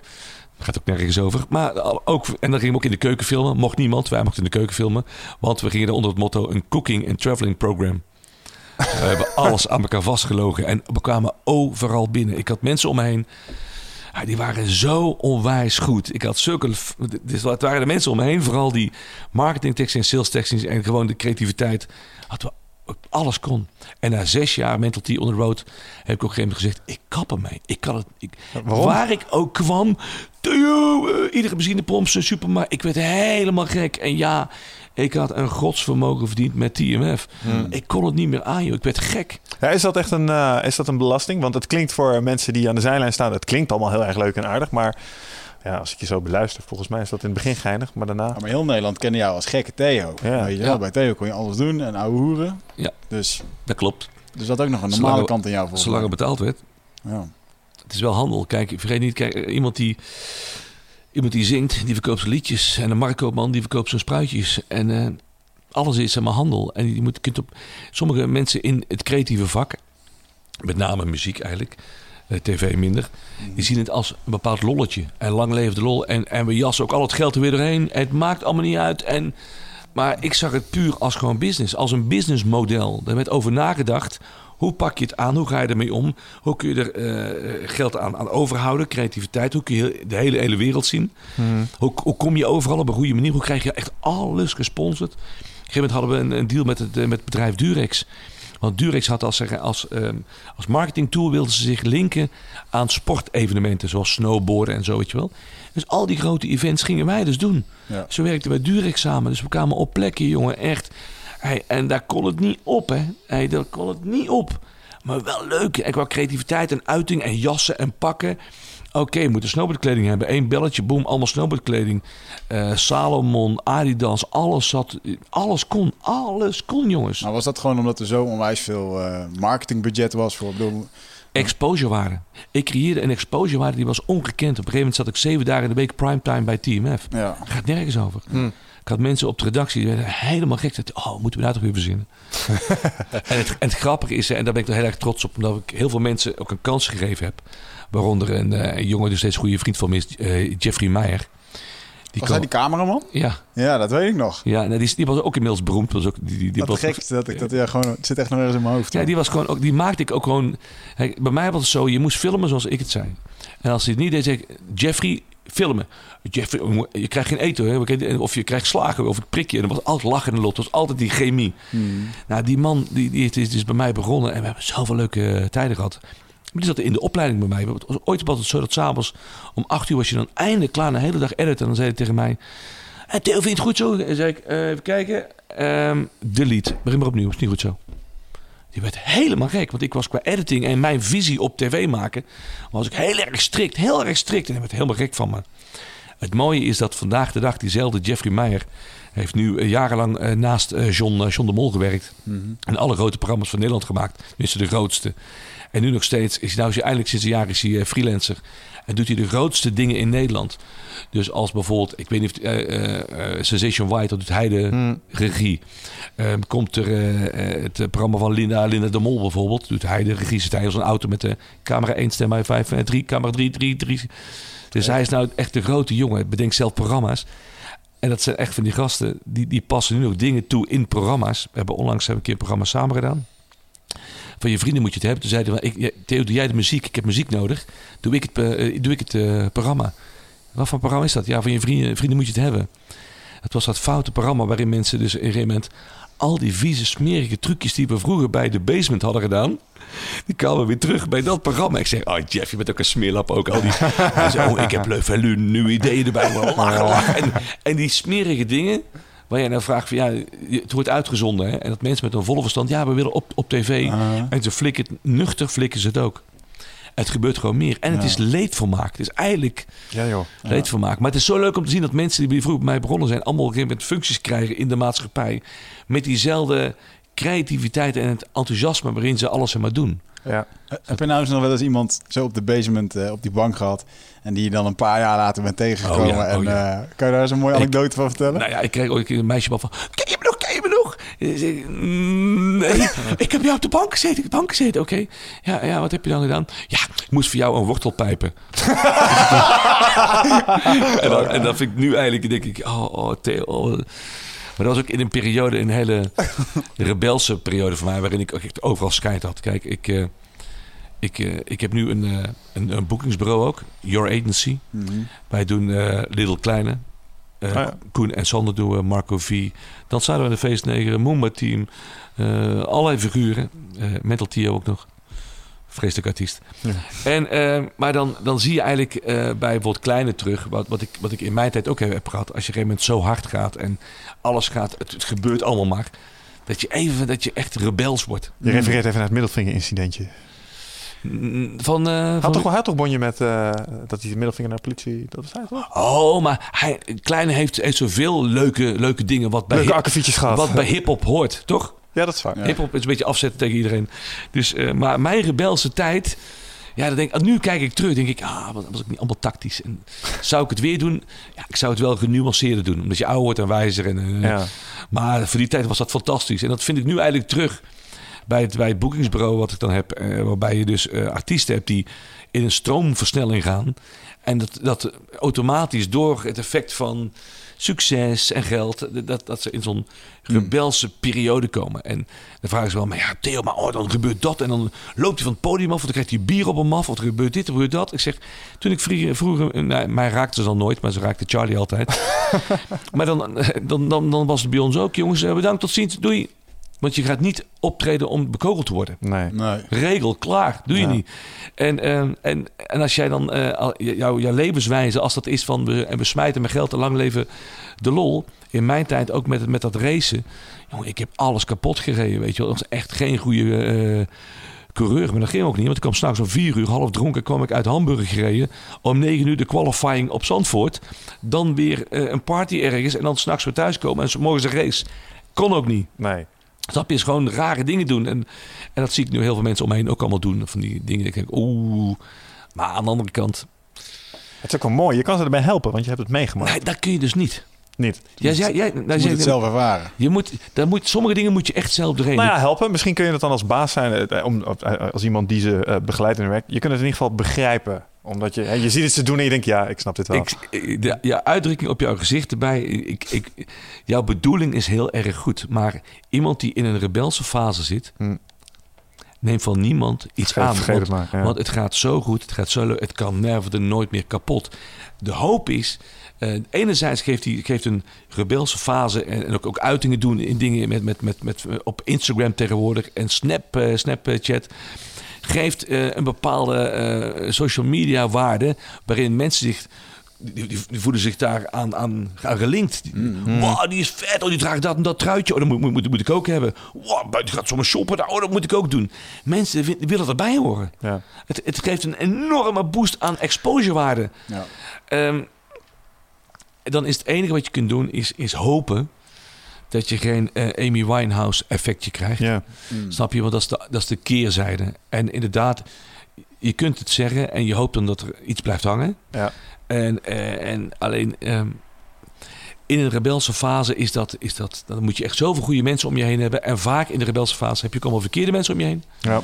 Geldt voor iedereen. Ja, knikkers. Eh, kijk naar een Muhammad Ali die bij jullie achterhangt. Eh, kijk naar een president Kennedy die foute vriendje had. Kijk naar een Frank Sinatra Ja. die, die, die, die gewoon waar je dan mee omgaat en waar je in, in zeg maar, terechtkomt. Hopen dat je zeg maar, door, dat, door, dat, door dat kanaal heen komt zonder dat je links-rechts schade op, eh, oploopt. Is dat ook iets waar jij, me, waar jij mee geworsteld? Want je gaf, op een gegeven moment, je gaf net aan van, joh, dat was op een gegeven moment was ik ook helemaal klaar ermee. Hè, dat ik dacht van, nou is het even mooi geweest. Waar zat hem dat in? Was het dat het feit dat je geen privacy meer had? Of dat je de scene gewoon de neus uitkwam? Nou ja, ehm, het heeft te maken met een aantal dingen. Je eh, privéleven is ook belangrijk. Hm. In die tijd was ik echt, op een moment, eh, dan heb je overal lak aan. Het is, eh, je was ook niet, ook niet helemaal trouw. Dus je had zoiets van, nou jongens, eh, fuck it. Lang leven de lol. Dus uiteindelijk kwam ik in, een- in een fase dat ik gewoon echt ook tegen mijn partner alles toe heb gegeven. En eerlijk ben geweest. En mijn afspraken na ben gekomen. Qua alles. Wat in die, die tijd geregeld was voor het geval dat het uit elkaar zou gaan. Ik bedoel, Ik ben al iemand van eh, normen en waarden eh, als het gaat over, eh, over als het echt fout gaat met toegeven, weet je wel. En toen heb ik een rebelse periode gehad dat ik vrijgezel was een tijdje. En toen kreeg ik weer een vriendin en dat werkte ook helemaal niet. En toen dacht ik, ah fuck, die gaat toch maar weer leven. En, en ben je echt gewoon zoekende. En dan, en dan ga je ook denken over dingen die je zeg maar gedaan hebt. Denk dat ieder mens dat doet. Hè. Die- Uit, je, uit je slechte dingen probeer je een beetje wijsheid te, te halen.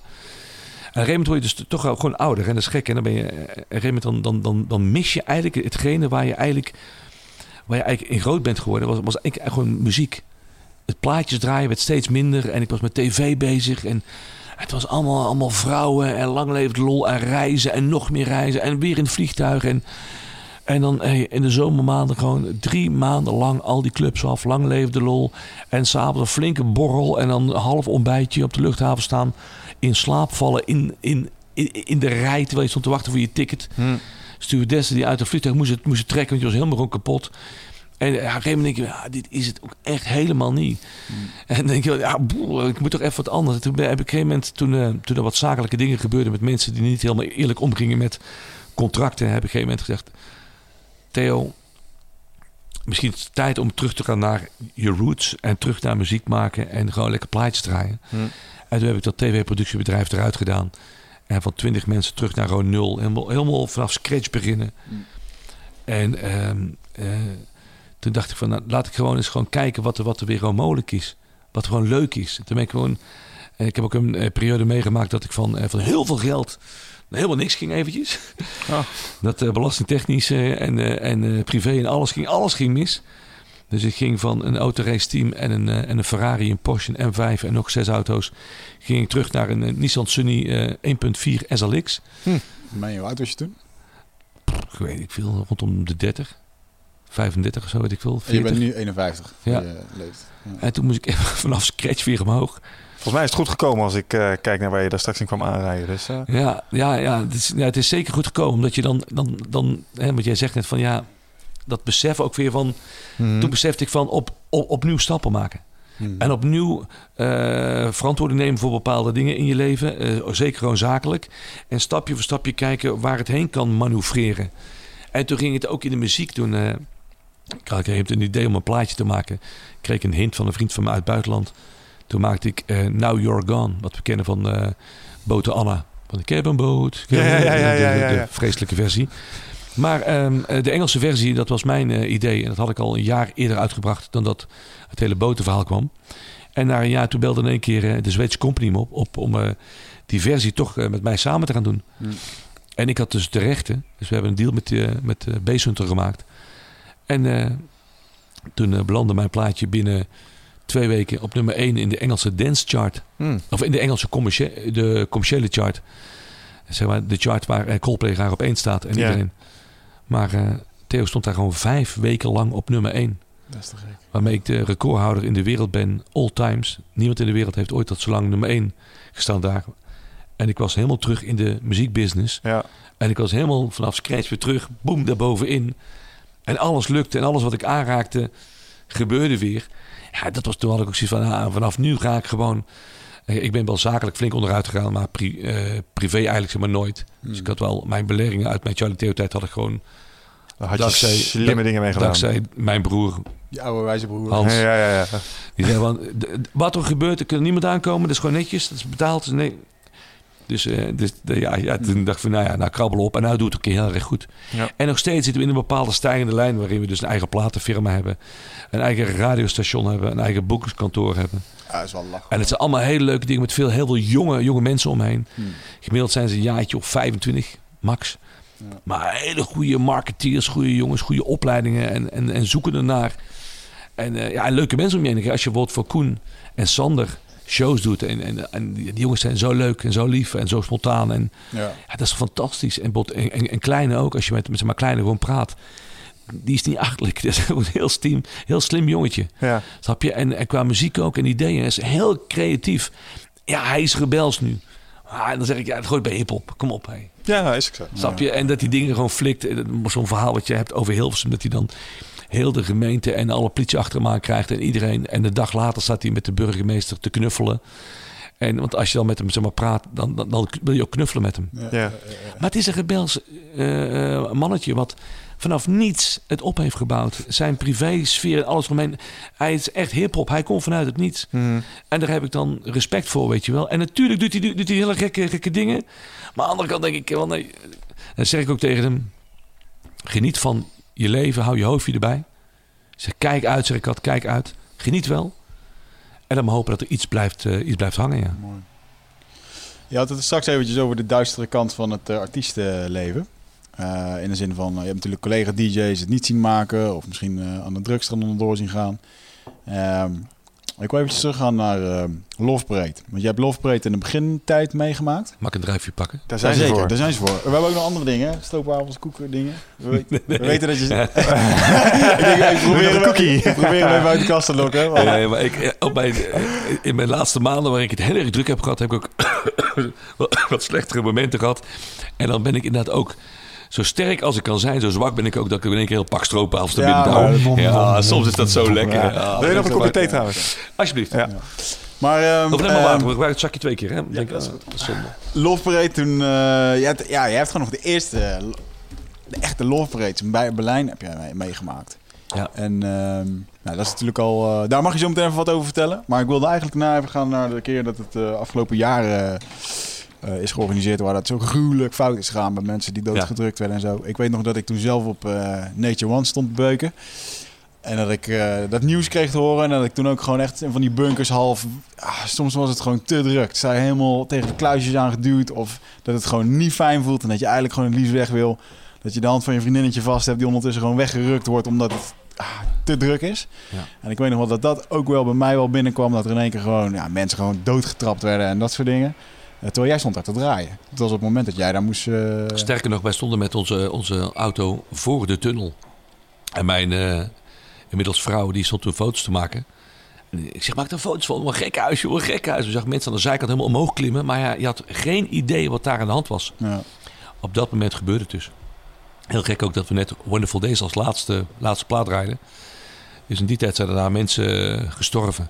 Het gekke is, niemand heeft het, heeft het meegekregen van buitenaf. Het enige wat je zag, dat iedereen als mieren uit die tunnel wilde. Ja. Ehm, dat was een, eh, een eh, love parade die eigenlijk qua organisatie en qua vergunningen eigenlijk zo de mist in is gegaan. Ik heb onlangs met Jan Smit is een programma geweest waarin ze teruggaan Mhm. naar die plek. Ik Ja. ben ook terug geweest nog. Om bij, het, eh, eh, eh, om bij de tunnel te gaan kijken. En alle kruisjes en alles wat er allemaal ligt aan bloemetjes en toestanden. Vreselijk om, om te zien. Hm. Maar wat nog veel en veel erger is, is dat... En daar kan ik dus echt heel erg boos om worden. Is dat ehm, de plek waar het gebeurd is... hebben ze volledig verbouwd, aangepast en weggemoffeld. Dus de tunnel die we kennen uit de foto's is niet meer. Hm. Kijk, er zijn natuurlijk dingen gebeurd. Wat, eh, er zijn zulke fouten gemaakt dat de gemeente het eh, verdoezeld heeft. Ja. Zo verdoezeld. Dus ik, ik kom daar terug en ik, ik zag het. Ik zeg, maar de tunnel is weg. En de ingang is weg. En, en, en die muren aan de zijkant zijn weg waar mensen niet tegenop konden. En, en die hekken zijn weg en die trap is weg. Ik zeg, wat, ze hebben alles dus gewoon weggehaald. Zand erin gestort. Andere ingang gemaakt. Zo. Alles is gewoon verdoezeld. Hmm. Zo verdoezeld. En het... Ja, Maar is het verdoezeld of hebben ze gewoon gezegd van... eh, dit is gewoon helemaal kut gegaan. We moeten deze plek gewoon even op, opnieuw op, opbouwen. En... Het is, als je daar komt en je ziet de oude foto's, dan weet je dat het niet goed zit. En ook zie je daar gewoon ook spandoeken hangen van mensen Hmm. die tot op vandaag de dag nog strijden voor gerechtigheid. Omdat het niet eerlijk is gegaan. Ja.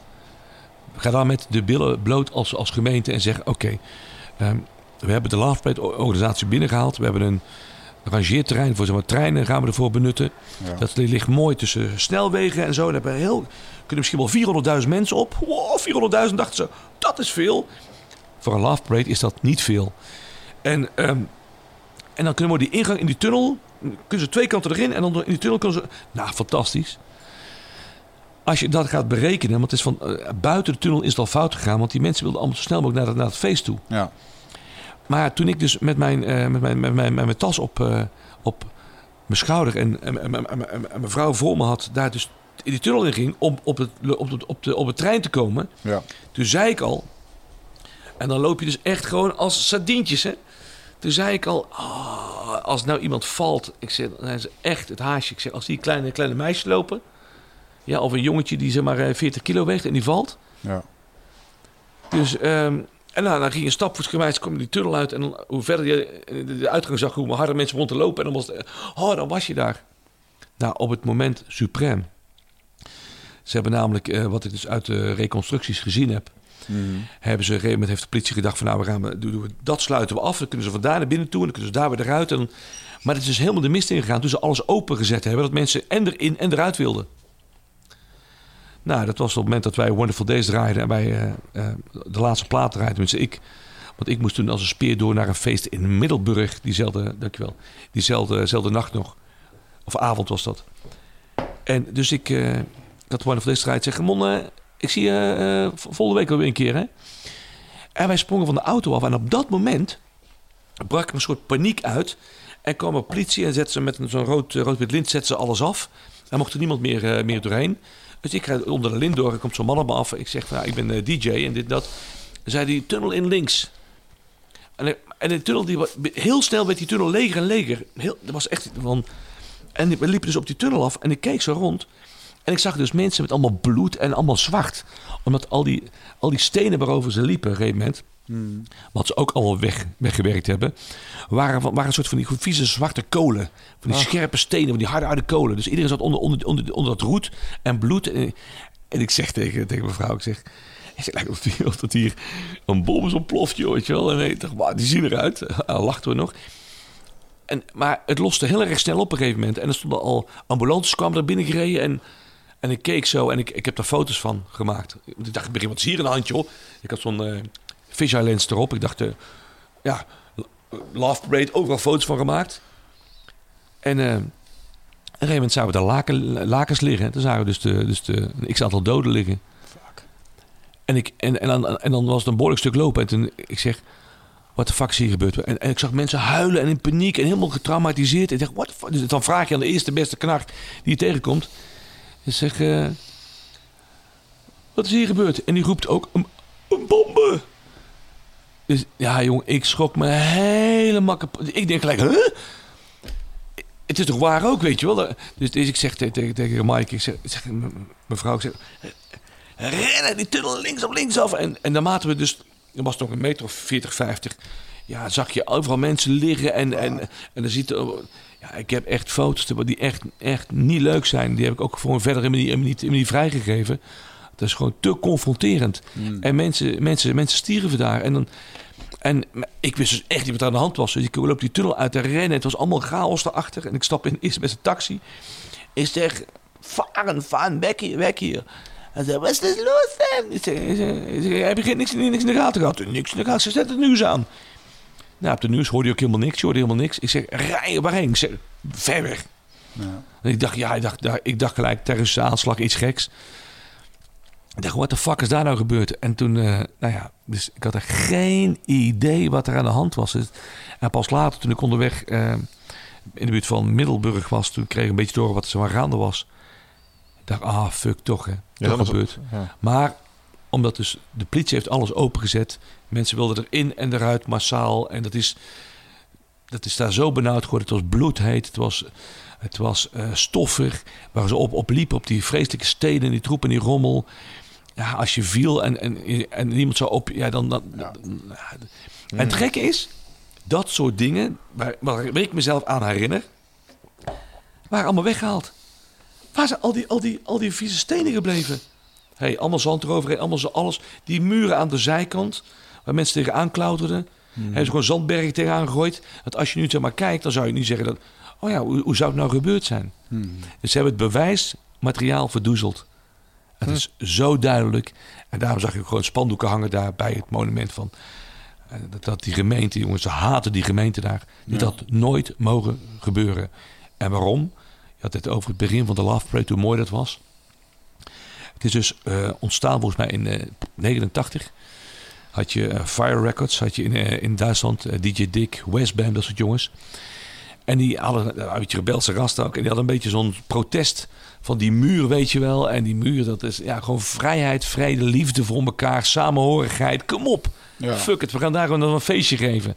Hè, wat uit een, uit, een, zeg maar, uit, uit een busje gebeurde, is uitgegroeid tot een belevenis. En die eerste Love Parade ook in het centrum van Berlijn. En, eh Ernst Reuterplatz, eh, maar de Ziegesäule, eh Unter de Linde, Charlottenburg. Gewoon echt, echt. En dat is, groeide uit tot een gegeven moment dat je vanaf de Brandenburger Toren... en dat, dat daar bij de Tiergarten, dat daar gewoon anderhalf à twee miljoen mensen waren. Hey, en het was één groot feest. Daar gebeurde echt nauwelijks iets. Hè? En heel Berlijn trok erop uit om dingen te verkopen. In het park werden zelfs pornofilms opgenomen. Het was flower power. Eh, alles gebeurde daar. Ja, door de schoonmaakkosten en al het gezeik eromheen hebben ze geen vergunningen ingetrokken. En stopte dat op een gegeven moment uitwijken, andere locatie. Bleek toch niet te, toch niet te, te werken. Totdat het moment kwam in Duisburg dat ze zeiden... nou, we hebben een rangeertrein voor treinen. 400.000 mensen. Laten we het weer doen. Dus die organisaties en ook mensen die al die, al die, al die vrachtauto's hebben... waar iedereen dan op staat met hun muzieksetje. En Aha. dacht, nou, weet je wat we dan doen? Dan doen we nou, nou, dan nodigen we die artiesten weer uit en we nodigen die artiesten weer uit. En dus die line-up was een oldschool line-up. Dus de hele wereld dacht, Leuk. what the fuck, ze staan er allemaal. Westbam, DJ Dick, eh, Sven V, Charlie en Theo. eh, alle grote de aarde van die tijd, alle oldschool jongens. Carl Cox, neem het. En ze staan er. Dus de hele wereld heeft gedacht, hé, hey, nou, daar gaan we weer eens Ja. op af. Dus de, er kwamen geen miljoen mensen, maar er kwamen gewoon veel meer mensen. Ja. En dat is ook, ook dat is weer verdoezeld, snap je? En die mensen konden er niet in en ook niet eruit. Het was gewoon één grote chaos en Wat een clusterfuck. echt heel, heel erg. En daarom ja, was ik heel erg boos toen ik voor een programma van Jan Smit moest ik dus terug naar die plek. Dat is maanden geleden geweest. Hmm. En daar kwam ik, daar dacht ik van. Ik, zei, en ik las al die, al die berichten op die, van al, al die ouders, weet je wel. Dat mezelf, oh, jongens gemeente, jullie hebben hier een steekje laten vallen. Zeg. Ja, ja, ja. Oh, oh, oh, oh, oh, dit is wel zo vreselijk als dit gebeurt. Zeker, ja, omdat ja, het gebeurt, komt nu nooit meer terug. Maar die begintijd, ja joh. Als je zag Kult dat. is dat. Eh, Maar, maar ook, ook waarom, hè? Waarom die Love Parade? Hè? De Love Parade, ieder jaar had het een heel eigen thema. En het, was, het, had altijd te maken met gewoon, jongens, alles mag en kan. Kijk, wij hebben natuurlijk in, in, in, in Nederland heel trots de Gay Parade, waarin wij heel open en vrij zijn voor dat soort eh, eh, mensen. Waarin wij in Nederland niet overal, hoor, want het is nog steeds moeilijk voor heel veel van die, mensen. Maar dat, dat wij toch helemaal erg openstaan. En, en, en, en daarin meeleven en genieten dat het mag en kan. Hè, want je mag van alles houden, maakt niet uit. Geniet van het leven en hou van, van elkaar. Ongeacht geaardheid, whatever, weet je wel. En die Love Parade was voor Duitsland net na het vallen van de muur en die Oost-Duitsers. En in één keer mocht en kon alles. En werd het geaccepteerd dat je als, eh, eh, als eh, welke geaardheid dan ook, dat je, dat je dat met z'n- samen dat feest kon vieren. hey, dat was wel even massaal wat daar gebeurde. En dat ging in, in goede harmonie. Hè? Alles kwam daar samen. Ja. Ongeacht geslacht, whatever, eh, kleur, ras. Hey, één grote bende en één groot feest. Zo'n voorbeeld voor de wereld zoals het eigenlijk moet overal. Ja. Hmm. En dat dat dan kapot gaat door een love parade in Duisburg. Ja, Ja, dat is zonde. Voor zoveel mensen is dat zo vreselijk. En nu ook weer dat, dat de evenementen die we in Nederland hebben, juist voor de uiting van meningsvrijheid, weet je wel. koesteren, hopen, bidden dat dat, dat, dat, dat dat kan en dat dat blijft, dat dat mogelijk is, dat het niet door iets kapot gemaakt wordt. Hmm. Ja. Dus organisatorisch, enerzijds, veiligheid, an, anderzijds. Ja, toch vind ik wel dat wij in Nederland eh, eindbaas zijn en feestjes organiseren. Want ik heb ook een tijdje, een jaartje in Australië gewoond. Dat is nog een paar jaar voordat Defcon daar volgens mij voor het eerst kwam. Dat uh, Duncan Stutterheim daar wat ging organiseren. Maar jezus man, in Australië, gewoon met hoe kan je het voor elkaar krijgen dat je daar een strandfeestje geeft, dat het 40 graden is. Wat het altijd is in Australië in de zomer. En Hmm. dat je geen water, dat je watertekort hebt. Te weinig flesjes water en dingen, weet je. Geen goede eh, toiletten dingen en geen kluisjes en shit. Gewoon één grote teringzooi. Alsof een 16-jarige het had georganiseerd, weet je wel. ja, zo van hoe zag je dat was deze een niet aankomen? nieuwjaarsfeest waar een Carl Cox draaide. En dacht ik Ja. echt van... Ja, maar vergeet niet, met, met, met Duncan Stutterheim is het zo. Het eerste nieuwjaarsfeestje wat ze ooit hebben georganiseerd met zijn maar vrienden. En, eh, en eh, het, eh, het, het, het, het, het aansturen van Duncan naar zijn, naar zijn vrienden toen.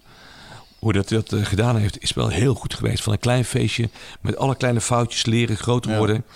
En vanuit het niets, vanuit de underground, die basis creëren. Kijk, hij heeft dat echt wel gewoon echt zelf gedaan. Met, met goede mensen om hem heen. En echt vanuit niets, weet je wel. Die is heel mooi gegroeid naar een buurtfeestje, naar fucking huge. Dus die, dus die boys eromheen, en zeker vandaag de dag. Ja, dat is, het zijn wel echt organisaties die alle fouten eruit trekken. Weet je. Dus die komen ook met een businessplan bij een, bij een gemeente ergens aan. Ja. En, eh, en die weten ook gewoon het verdienmodel. Hè? We hebben het over break-even in de, in de, in de platenbusiness gehad.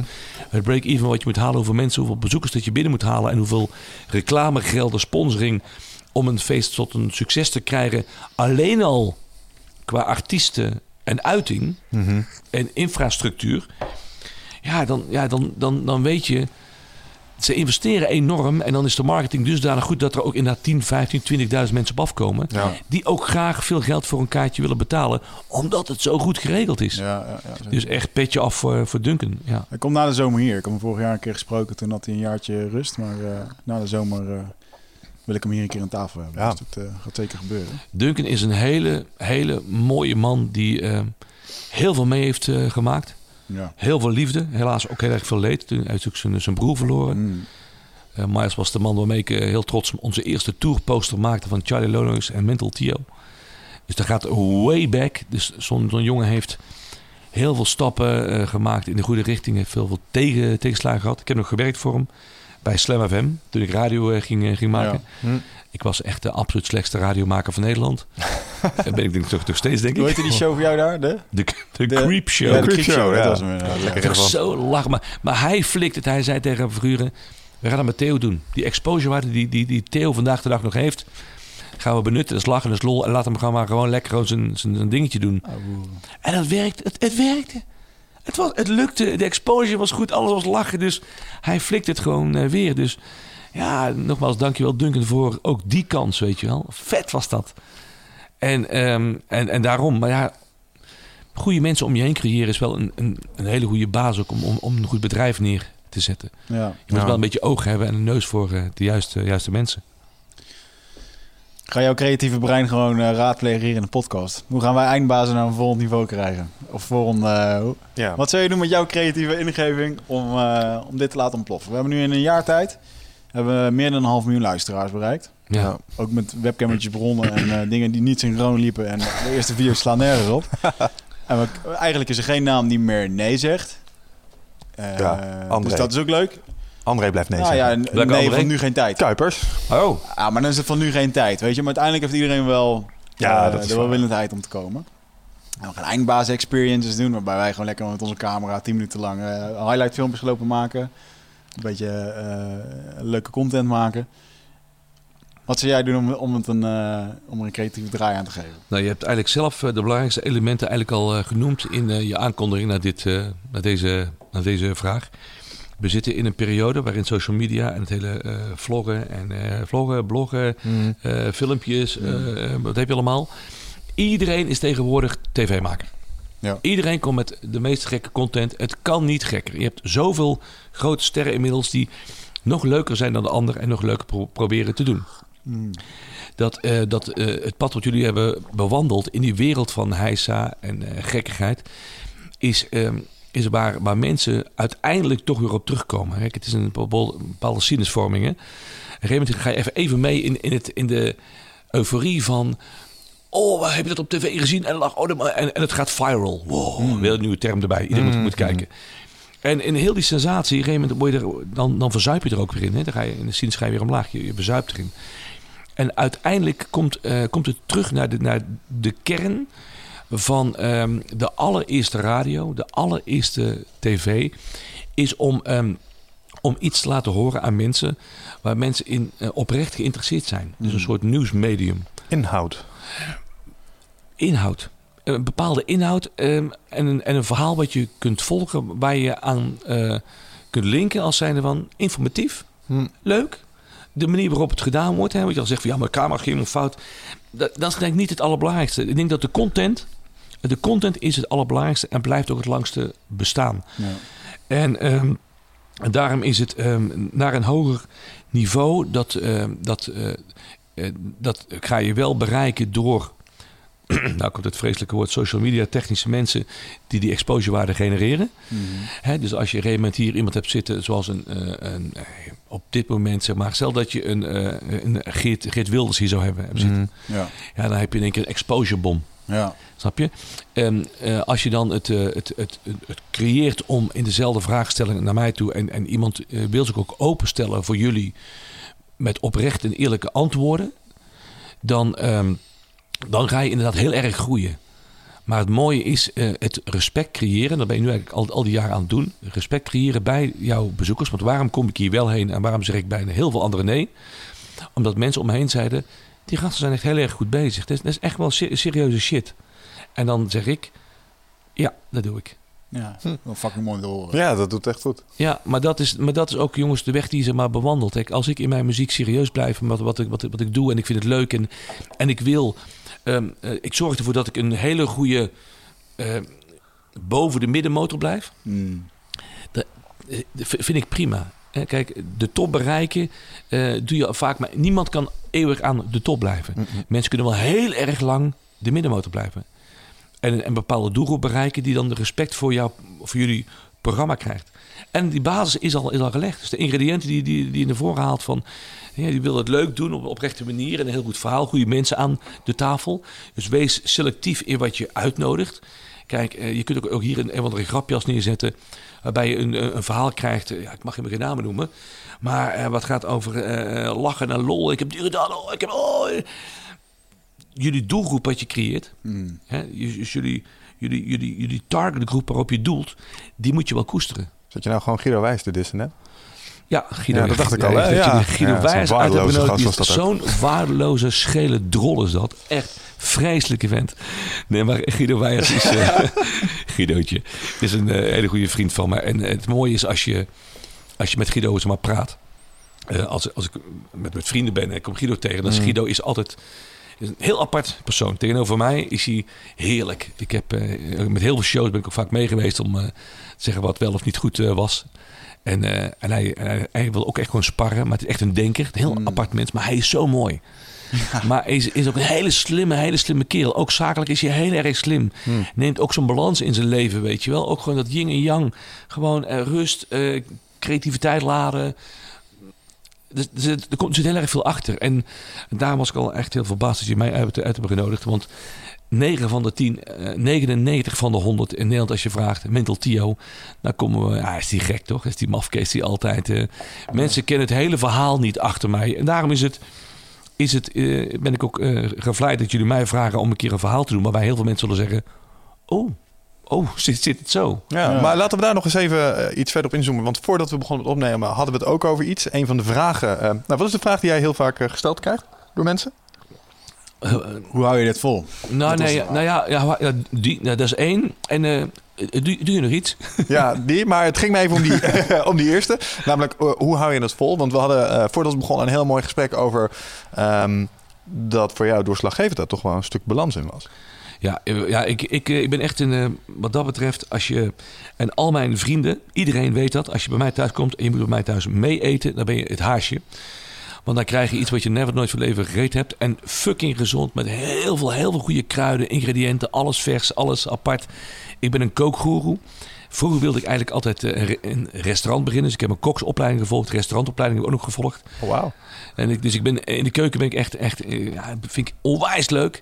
Eh, ik denk niet dat, dat, dat mensen moeten roepen dat ze een hele goede kok zijn. Ik vind dat mensen dan de term moeten gebruiken dat ze een hele creatieve kok zijn. Dat is een veel verbeterde term. Omdat ieder mens op zijn eigen manier eten bereidt. En ik, ik, ik vind dat.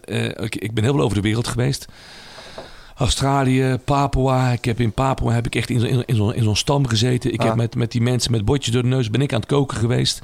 En eh varkentjes schieten en noem het maar op. Ik heb echt... Ik heb het op tv gezien, ja. Daar heb je geen vrienden mee gemaakt. Nee, nou, wat je hebt gezien was bij- tijdens een tv-programma. Maar ik Ja. ben, afgelopen jaar ben ik naar Papua Nieuw-Guinea gegaan. Kikken. Naar zo'n Dani tribe om echt terug naar de roots te gaan. Nou, hey, het water uit eh, de, de hostel waar we dan sliepen.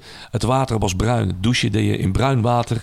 En je had witte handdoeken. Dat was wel cool, want die waren naar de hand ook bruin. Maar, en, maar dat, dat, dat, soort shit. En dan ook, een, ook zo'n kok die dan zich excuseerde voor de maaltijd. Want hij had alleen een hele grote schaal met rivierkreeften. En ik is van, what the fuck? Lekker! Ja. bizar. Dus ik heb dingen meegemaakt. En, en, en daarom ben ik altijd met, met koken. Ja, ik ben echt... Uit ieder land neem ik ingrediënten mee. En ik ben Mm. heel erg van het, eh, het eten. Ehm, eh, McDonald's en dat soort dingen zweer ik bij iedereen af. Omdat ik weet hoe dat gemaakt wordt. Het is leuk, het smaakt lekker en allemaal fantastisch. Maar eh, eh, eet dan een drol op van de hond die je hebt. Want die, is- die is duizend keer gezonder dan alles wat je bij McDonald's eet. Hmm. Geloven mensen niet, maar het is echt zo. Die drol is echt veel gezonder. Meer vezels vooral. Ja, vooral vezels, maar ook gewoon ja, bepaalde stoffen die, die er echt niet meer zitten in een hamburger, zeg maar. Ja. Daar leeft echt helemaal niks meer in. Dus ik ben heel erg van yin en yang, eh, balans, gezondheid, rustmomenten zoeken. En, en, en ja, ik heb heel veel mensen die ook zeggen, ja, hoe, hoe hou je het dan vol? Ja, door heel gezond eten. Ik kom hier binnen, ik zag allerlei dingetjes bij jullie staan. Ik dacht, van, deze gasten die snappen het ook. En dat vind ik dan wel grappig, omdat ja, ik heb ook heel veel vrienden die leven op een, eh, op een tostietje en eh, fastfood. En dan zeg ik ook wel tegen van, hey, als ik hard voor mezelf ben, dan, dan bouw ik gewoon weer 10 kilo af. En dan kan ik weer in een bepaalde balans blijven. En het is ook gewoon, het is ook wel eens goed om te zeggen: ik pak nog een fles wijn en ik pak nog een biertje. Is fucking belangrijk. Hmm. Maar weet ook je momenten dat je gewoon echt gewoon alleen maar puur gewoon water drinkt of gewoon thee drinkt. wel. Koffie, hartstikke lekker. Maar koffie houdt. Godganse dag, ja. Ja, niet, dat is ook. bedoel, Het zijn allemaal van die dingen, weet je wel. En daar dus, dus mijn, mijn vrienden die zijn, als ze mij kunnen eten, dan zeg ik, ja, ik wil bij jou eten. Of kook je weer? Wat is je specialiteit? Eh, specialiteit. Ik ben wel helemaal verzot op zo'n curry's en eh, masala's. Oké. Dus eh, de- het verhaal van, ik heb het straks niet afgemaakt, maar nu komt het dan. Ja. Ik was in Zuid, eh, Zuid-Afrika en dan was ik allerlei dingen bezig te doen met eh, witte, witte haaien, duiken en zo. Allemaal onzin van die dingen. Buk, bu- bucketlist Tussendoor. dingetjes. Ja, ja, ja. Tussendoor. En eh, toen hadden we een taxichauffeur, die reden we terug. Toen zei ik tegen die man, zeg, waar haalt jou, jou- jouw mama de ingrediënten? Hij, oh, mijn mama ingrediënten? Dat was een beetje een Indiër. Ik zei, we make masala's en curry's en dit. Ik zeg, dus dus ik zeg van, eh, ik zei van, die begon eerst uit te leggen hoe dat, je een curry maakt. En toen was hij helemaal over zo'n pot met uien en dingen. En je hebt turmeric en eh, dat. En, en eh, je moet geen kant-en-klare dingen gebruiken. Ik zeg, maar waar, waar, gaan ze dat, waar haalt jouw oma, jouw mama al jarenlang al die... Hij zei, oh, daar gaan we heen. Ik dacht, yes, hè. Want ik moet kruiden meenemen, echt. Dus we komen er in zo'n echt zo'n heel oud winkeltje in the middle of fucking nowhere. En ik kom daar binnen en ik zie zo'n toonbank, weet je wel. En ze kenden hem daar. En nou, nou, nou gezellig. En ik keek zo al die, al die kruiden en dingen. En ik zag, oh, ik zag nou wel, wel, wel 60 zakjes. En, dan, wel- en het rookt daar waanzinnig lekker, jongen. En dan ben ik in mijn element, hè. Dat me- blij kun je me niet maken. hè. Dus, en, ik, en ik vraag zo, ja, wat zijn de kosten ervan? En zei, ja, kom even achter de toonbank, daar staan de prijzen. En ik keek zo en, en het ene zakje kostte 70 cent. En het duurste zakje kostte eh, 1,50 euro of zo. En ik dacht, is dat, is dat, is dat, oh, is dat per 100 gram of zo? En, eh, maar behoorlijke zakken. Nee, is per eh, zakje. Per kilo. Oh, jongens, ik ben daar met een rugzak kruiden weggegaan. Ik heb echt vanaf die dag heb ik mezelf zorgen gemaakt. Hoe ga ik dit aan de douane in Nederland uitleggen Ja, als ze dat is dus het eerste waar ik aan dacht. Hoe, hoe krijg je dit de grens over? ik- Pak met drie kilo je wel. ik, ik heb gedacht, weet je wat? Ik ga gewoon mijn rugzak gewoon helemaal vol stoppen. Helemaal. En ik leg hem gewoon open en bloot op de band. En ik maak hem gewoon open. En meteen als die man zegt, eh, nog je horloge af, dan zeg ik... eh, ik heb hier kruiden in, is het oké? En dat was, dat was oké. Kruiden was oké. Nou, dus ik zat in het vliegtuig en toen moest ik nog Schiphol door. Ik dacht, oh. Maar ja, daar heb je het weer. Ik kwam op Schiphol aan en dan ga je onderweg... eh, als het me goed gaat. Dus ik ben, ik, ben, ik ben geland, ik ben gelijk op internet gegaan. Mag ik kruiden meenemen, weet je wel? Nou blijkt dat je gewoon kruiden, voor- kruiden voor eigen consumptie mee kunt nemen. Je moet dus niet honderd van dezelfde kruiden hebben. Maar ik had echt 70 verschillende kruiden. Dus, Dus dat, dat was oké. ja, Maar het hele idee dat je ook aanhoudt met al die zakjes, dat er dat zo'n scan gaat. Als ze zeggen, Theo, hier komen we. Wat is dit? Ja. dit is, ik, ik, ik, ik scheet wel in mijn broekje eigenlijk om helemaal niks. Mooi. Maar dan heb ik gewoon echt, eh, heb ik dan echt voor jarenlang. eh, en ik woon in natuurlijk Spanje ook. Ik heb, eh, ik heb een huis in Spanje ook. Dus daar woon ik in de zomer en de winter woon ik in Nederland. In Ibiza of echt Nee, Spanje? Mallorca. Ibiza. Maar je- je woont in de zomer in Spanje en in de winter in Nederland. Ja. Zou je dat niet beter omgooien? nou ja, ook vanwege werk en drukte op, op, de zaak. Dus ik vlieg, ik vlieg bijna ieder weekend gewoon. Ja. En het leuke van, eh, van Spanje is bijvoorbeeld het, het eten. Kijk, het- ik zeg wel eens tegen mensen, jongen, kippensoep bijvoorbeeld. Hè. Kippensoep, daar komt hij. Ga naar een supermarkt of naar een uh, polier toe en ga gewoon kip halen. En probeer eens gewoon een goede kipsoep te trekken van de kip die je koopt in Nederland. Ja. No fucking way. Als ik naar de supermarkt ga bij ons op de hoek in Spanje, dan haal ik gewoon van die kippenbillen. Doe ik in, in, in een pan. Ik zet dat aan, maar dan zit er binnen gewoon een paar uur een vetlaag op, jongen. Echt van pure kip, kippenvet. En een smaak. Het gaat nergens over. En dan zie je het verhaal plofkip als wel eens geroepen. En ik dacht, ja, het zal wel plofkip zijn. Maar als je het verschil echt eh, proeft en ziet. Ja. What the fuck, met, met tomaten en met groenten en alles. Pak een tomaat daar of pak een tomaat in Nederland. Die mooie tomaten van een supermarkt, jongens, bij ons... zijn helemaal fuck, helemaal ruk. Er zit de grootste troep in. Het is ook belachelijk dat wat ze toestaan aan e-producten... Ja, ja, ja, in ja. supermarkten in Nederland. hey, het mag allemaal. Het is belachelijk. Gaan ze iets zoeken zonder een e-product erin? Ja. Ja. Alles is bespoten, troep erop. En mensen moeten gewoon ziek worden, blijkbaar. De Coca-Cola, van horen zeggen, hè, is in België is gezonder dan in Nederland. Want in België worden niet zoveel e-producten toegestaan dan in Nederland. Eten uit Duitsland, ook de groenten en alles bij, eh, bij supermarkten als een, als een Aldi en zo, is veel beter dan dat je bij andere supermarkten komt. Ja. Gek is dat. En die winnen ook ieder jaar prijs. Maar als je gaat kijken, veel minder bespoten. Veel strengere eisen die uit het buitenland komen. Maar ja, we wonen in een klein land. Er wonen heel veel mensen. Mensen moeten ziek worden. Mensen moeten doodgaan. Dat is een eh, makkelijke manier van... eh, Ja, echt wat? Is dat je, is dat je theorie? ja, dat is, dat is mijn theorie. Ja. Nutricide noemen ze dat. Het, is, eh, het zit een beetje in de conspiracy hoek, namelijk de kwaliteit van het eten dermate uithollen dat je de wereldbevolking op die manier beter kunt beïnvloeden. ja. Absoluut waar. Ja? Waar, ja, ja, ik ben er Daar helemaal... zitten mensen achter, denk je, die dat gewoon als agenda hebben? Eh, absoluut. Echt? Absoluut. Daar, daar is bepaalde policy voor. Kijk, eh, ik ben zelf ben ik, eh, bestuurslid heel lang geweest van eh, de stichting Ruby and Rose. Die zet zich in tegen de vormen van eh, vrouwenkankers. En de chirurg die dat allemaal doet, dus de, dus de oncoloog in Nederland, de grootste man, is een vriendje van me. Dus ik weet een beetje hoe dat, dat zit. En hij zegt ook, ja, als ze echt, jongens, hè, als ieder land zich echt zo had willen inzetten tegen be- eh, bestrijding van bepaalde kankers, want je hebt heel veel verschillende soorten kankers, dan was daar een budget voor. Maar het budget moet helaas komen van de gewone man zelf. Hoe triest is dat? Snap je? En, en, en die onderzoeken die zijn er, die zijn er echt. En dan komt natuurlijk de hamvraag, ja, waar ligt dat bewijs nou? Wie is nou dat mannetje met zo'n agenda waar jij het over hebt? Ja. En, en, waarom wordt er niks tegen gedaan? Waarom moeten mensen in één keer plotseling allemaal een griepprik halen? Out of the blue. Uh-huh. Wat spuiten ze in je? Snap je? Waarom moet iedereen in één keer een griepprik? Het, het is, als je er goed over nadenkt, is dat heel erg eng. Dus toen die griepprik eh, kwam, heb ik gezegd tegen mijn zoon... jij krijgt het niet. Nou, Ja. wij, wij beginnen er niet aan. Het grappige daarin is, is dat ik eh, eh, toen dat speelde, toen zat ik in de jeugdzorg. En de GGD-instellingen die wij faciliteren. We hebben altijd software geleverd aan eh, thuiszorginstellingen en GGD-instellingen. En eh, toen liepen we net binnen een aantal GGD-instellingen die daarmee te maken kregen. Die moesten dus die massa-vaccinaties gaan uitvoeren. En ehm, ik weet nog goed dat ze daar. Wat ik ook zoiets had van, eh, waarom moeten we dit eigenlijk in godsnaam allemaal doen? En je hebt twee kampen. Je hebt de mensen die echt vanuit een soort altruïsme zitten. Ja, maar geloof me, vaccinaties en dit soort dingen, die zijn echt nodig, weet je wel. Dan, dan moet je niet onderschatten.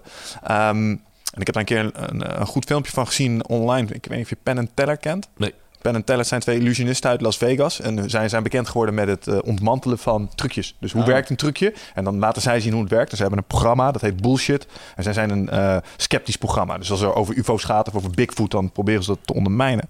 En een van de dingen waar zij het over hadden was eh, vaccinaties. En in dezelfde lijn, dus jeugdvaccinaties en in dezelfde lijn dit soort vaccinaties.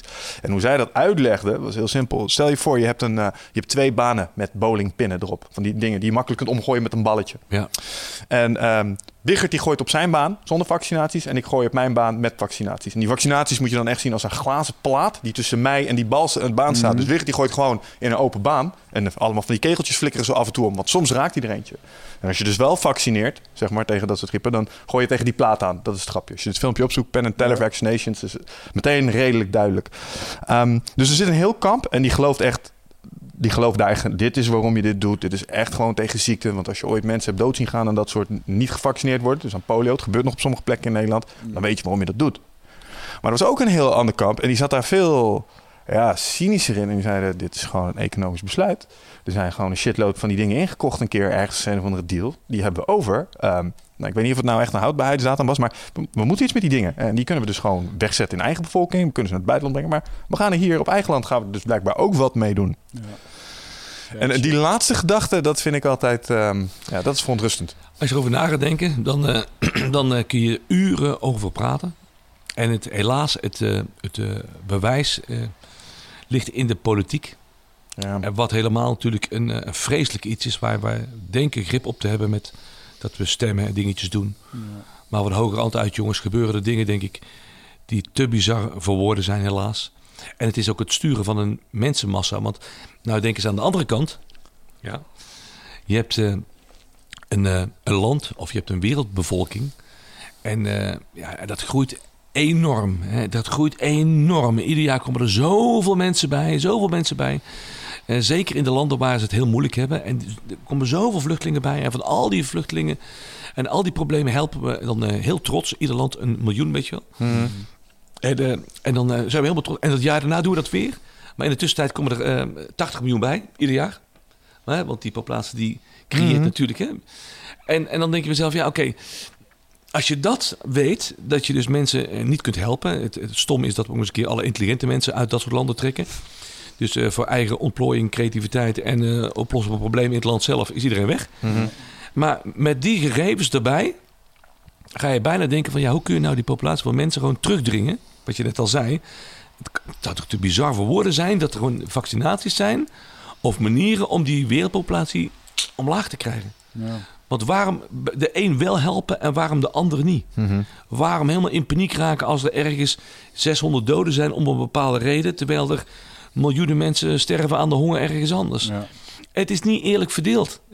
Iets, iets klopt er niet. Mm -hmm. En daarom worden dit soort dingen uit de politiek ook heel snel van.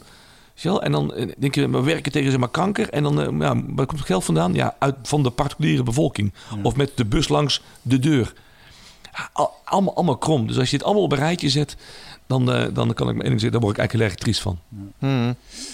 Ja, nou gelukkig zie je daar wel een bepaalde uh, bewustwording ontstaan. Hè? Ook in Nederland. En er kwamen hierop uh, door de E-nummers in, in, onder andere de Nederlandse voeding. En je ziet daar gelukkig wel uh, dat een heleboel mensen zich in ieder geval realiseren dat daar het nodig in gebeurt. Want we hebben hier Ralf, Ralf Moorman ook een keer gehad. Die heeft daar is natuurlijk ook een soort kruistocht tegen begonnen. Hij heeft volgens mij zo'n boekje, de Supermarkt Safari, waarbij hij helemaal door de belangrijkste supermarkten van Nederland heen meeneemt in een boekje. En dan vertelt hij eigenlijk wat je wel en wat je niet kan eten en waar ze al die conserveringsmiddelen wel niet instoppen. Nou ja, daar kan, daar kan kort over zijn. Als je in een supermarkt gaat in Nederland... Dan ben je nou klaar. Is het winkelmandje. Ja, dat is waar. Maar er, er, zit, er zit wel verschil in de onderlinge supermarkten. Daar zit wel kwaliteitsverschil Absoluut. in. Absoluut. Dus, uh, en zelfs waar je het niet van verwacht, van die, goed, van die goedkopere supermarkten... De Aldi en de Lidl, die, zijn, uh, die komen verbazingwekkend goed ja, uit de bus ja, daar. absoluut. Ja. Ah, ik vind wel, uh, om even uh, toch een beetje lollig af te sluiten. want we lopen tegen een einde aan. Uh, wist je dat jij verantwoordelijk bent voor uh, huidkanker bij een hele hoop jongeren? Ja, als we het dan toch uh, hebben over gezondheidsproblemen. zonnebloemolie en citroenolie, TMF zonnebrand. Waarbij kinderen, lezen, ik was toen proper in Kreta. waarbij mensen gewoon vol aan die flessen zaten. Gewoon de goedkoopste zonnebloemolie gekocht. Met citroensap erbij, want het was de Mental Tio zonnebrand waar je zo bruin voor werd. En waar mensen fucking lagen te bakken met bakolie. Wat was daar verhaal, man? Achter. Bullshit. Kom bullshit. ik, heb het, ik heb het horen met jongeren zien doen, jongen. Luister, maar als je heel goed nadenkt, hè.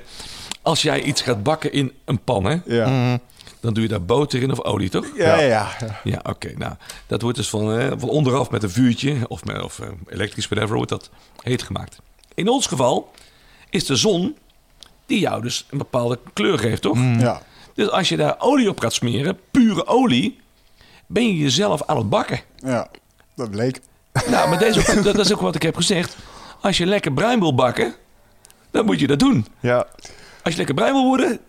Dus eigenlijk is dat gewoon echt, ja, ja, het is gewoon eigenlijk een hele goede tip.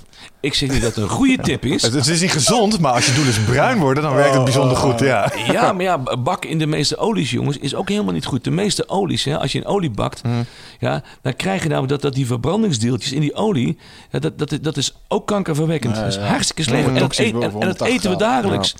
Ik bedoel, Ja. het lekkerste eten maak je eigenlijk gewoon klaar in een pan met een heel klein beetje water. En eigenlijk de bouillon van de soep die je de dag van, van, van, van, van tevoren eh, genuttigd hebt. En daarin het eten klaarmaken. Snap je? En, en, en boter. En, en ik gebruik het bijna nooit. Nee. Maar ja, die tip met bruin bakken, ja, dat was wel heel erg. Ja. Het, het ging wel viraal om een Er tegenwoordige zijn tijden te mensen spreken. verbrand erdoor. Ik heb ooit een, een, een gehad, een sponsor, die ging mee naar Salau toe.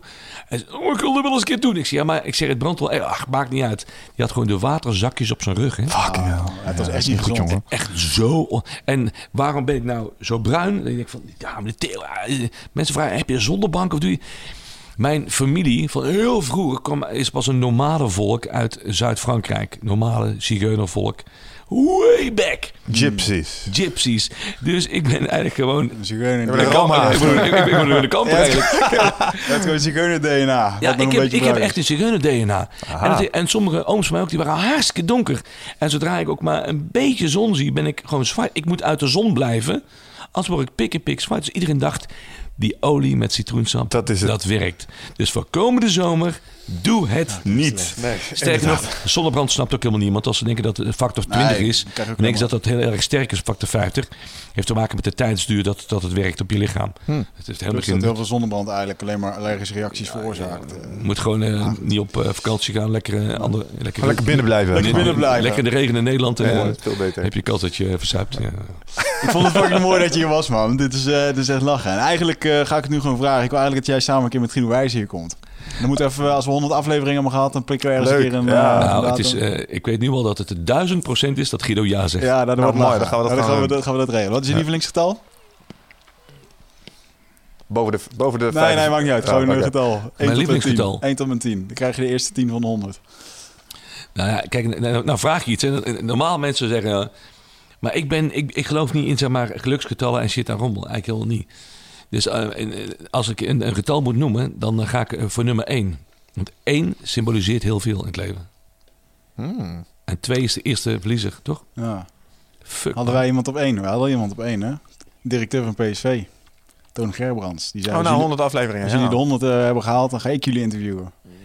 Dus die is al, die is al verzet. Maar dat kan op aflevering 100 ook. Als we dan André op 99 zetten.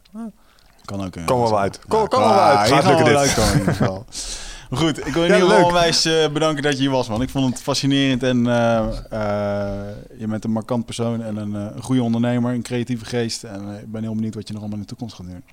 Ik heb geen idee. Ik laat hem afkomen. Maar nog heel veel dingen. Ik- Ik stop pas als mijn neus net boven het zand uitkomt. Zo. Hoppa. We blijven je volgen. Dankjewel mannen. Voor de luisteraars, jullie mogen naar uh, nutrifit.nl om onze sponsor van de show eventjes te bezoeken. Want eh, ja, je hebt het net gehoord, eh, Theo die eh, zit ook dik aan, aan de supplementen en voeding. En daar kan je daarvoor terecht. Guido, die wordt trouwens ook gesponsord door ons. Mogen we eigenlijk niet zeggen. Nee, Wilde die ook niet, hè? nee. Nee, hij wilde niet met merken verbonden worden en zo. Sorry. Nou, Dat hij grapje- dat grapje hij ziet er wel goed uit tegenwoordig, Guido. ja, dat komt door, dat komt door onze, Ja, komt door hij is onze flink aan het webshop. trainen ook, ja. Komt door onze webshop. Koopt allemaal en... eh, nee, mochten we niet zeggen. Wilde die ook niet doen. Maar dat geintje nou. maakte het toen ook hem. Dus dat doe ik nu bij jou ook. Maar in ieder geval, daar kun je terecht voor al jouw eh, eiwitten, magnesium en andere dingen. Eh, ga ervoor naar nutrifit.nl. Kortingcode eindbazen. Je hebt 5% korting. En als je niks vindt, mag je terugsturen. krijg je geld terug. Dus dat Yep. wij. Ja, we staan achter onze producten. Jij zit daar met een grote smel te kijken. Maar wij zijn de enige webshop in Nederland waar je dat kan doen, hè? Gewoon ook van merken die, we, merken die het zelf niet eens aanbieden. Daar bieden wij van aan. Als je het niks vindt, terugsturen. Ja. Krijg je gewoon een knaken terug. Dat is bijzonder. Is met liefde zaken doen, hè? Ja, Inderdaad. maar... is- Ja. Nou, is geloof in je producten. Ja. Liefde voor het product. Het belangrijkste wat er is. Ja, oké. Luisteraars, ehm, als je je inschrijft voor onze nieuwsbrief op de website, dan krijg je nog eh, toegang tot eh, geheime content. Want dan ga je zo meteen nog twee vragen stellen. Oké. Die mag jij eh, beantwoorden en dan eh, hebben jullie daar ook toegang toe. Good times ahead. Alright. Next time! Tot de volgende keer. Ciao.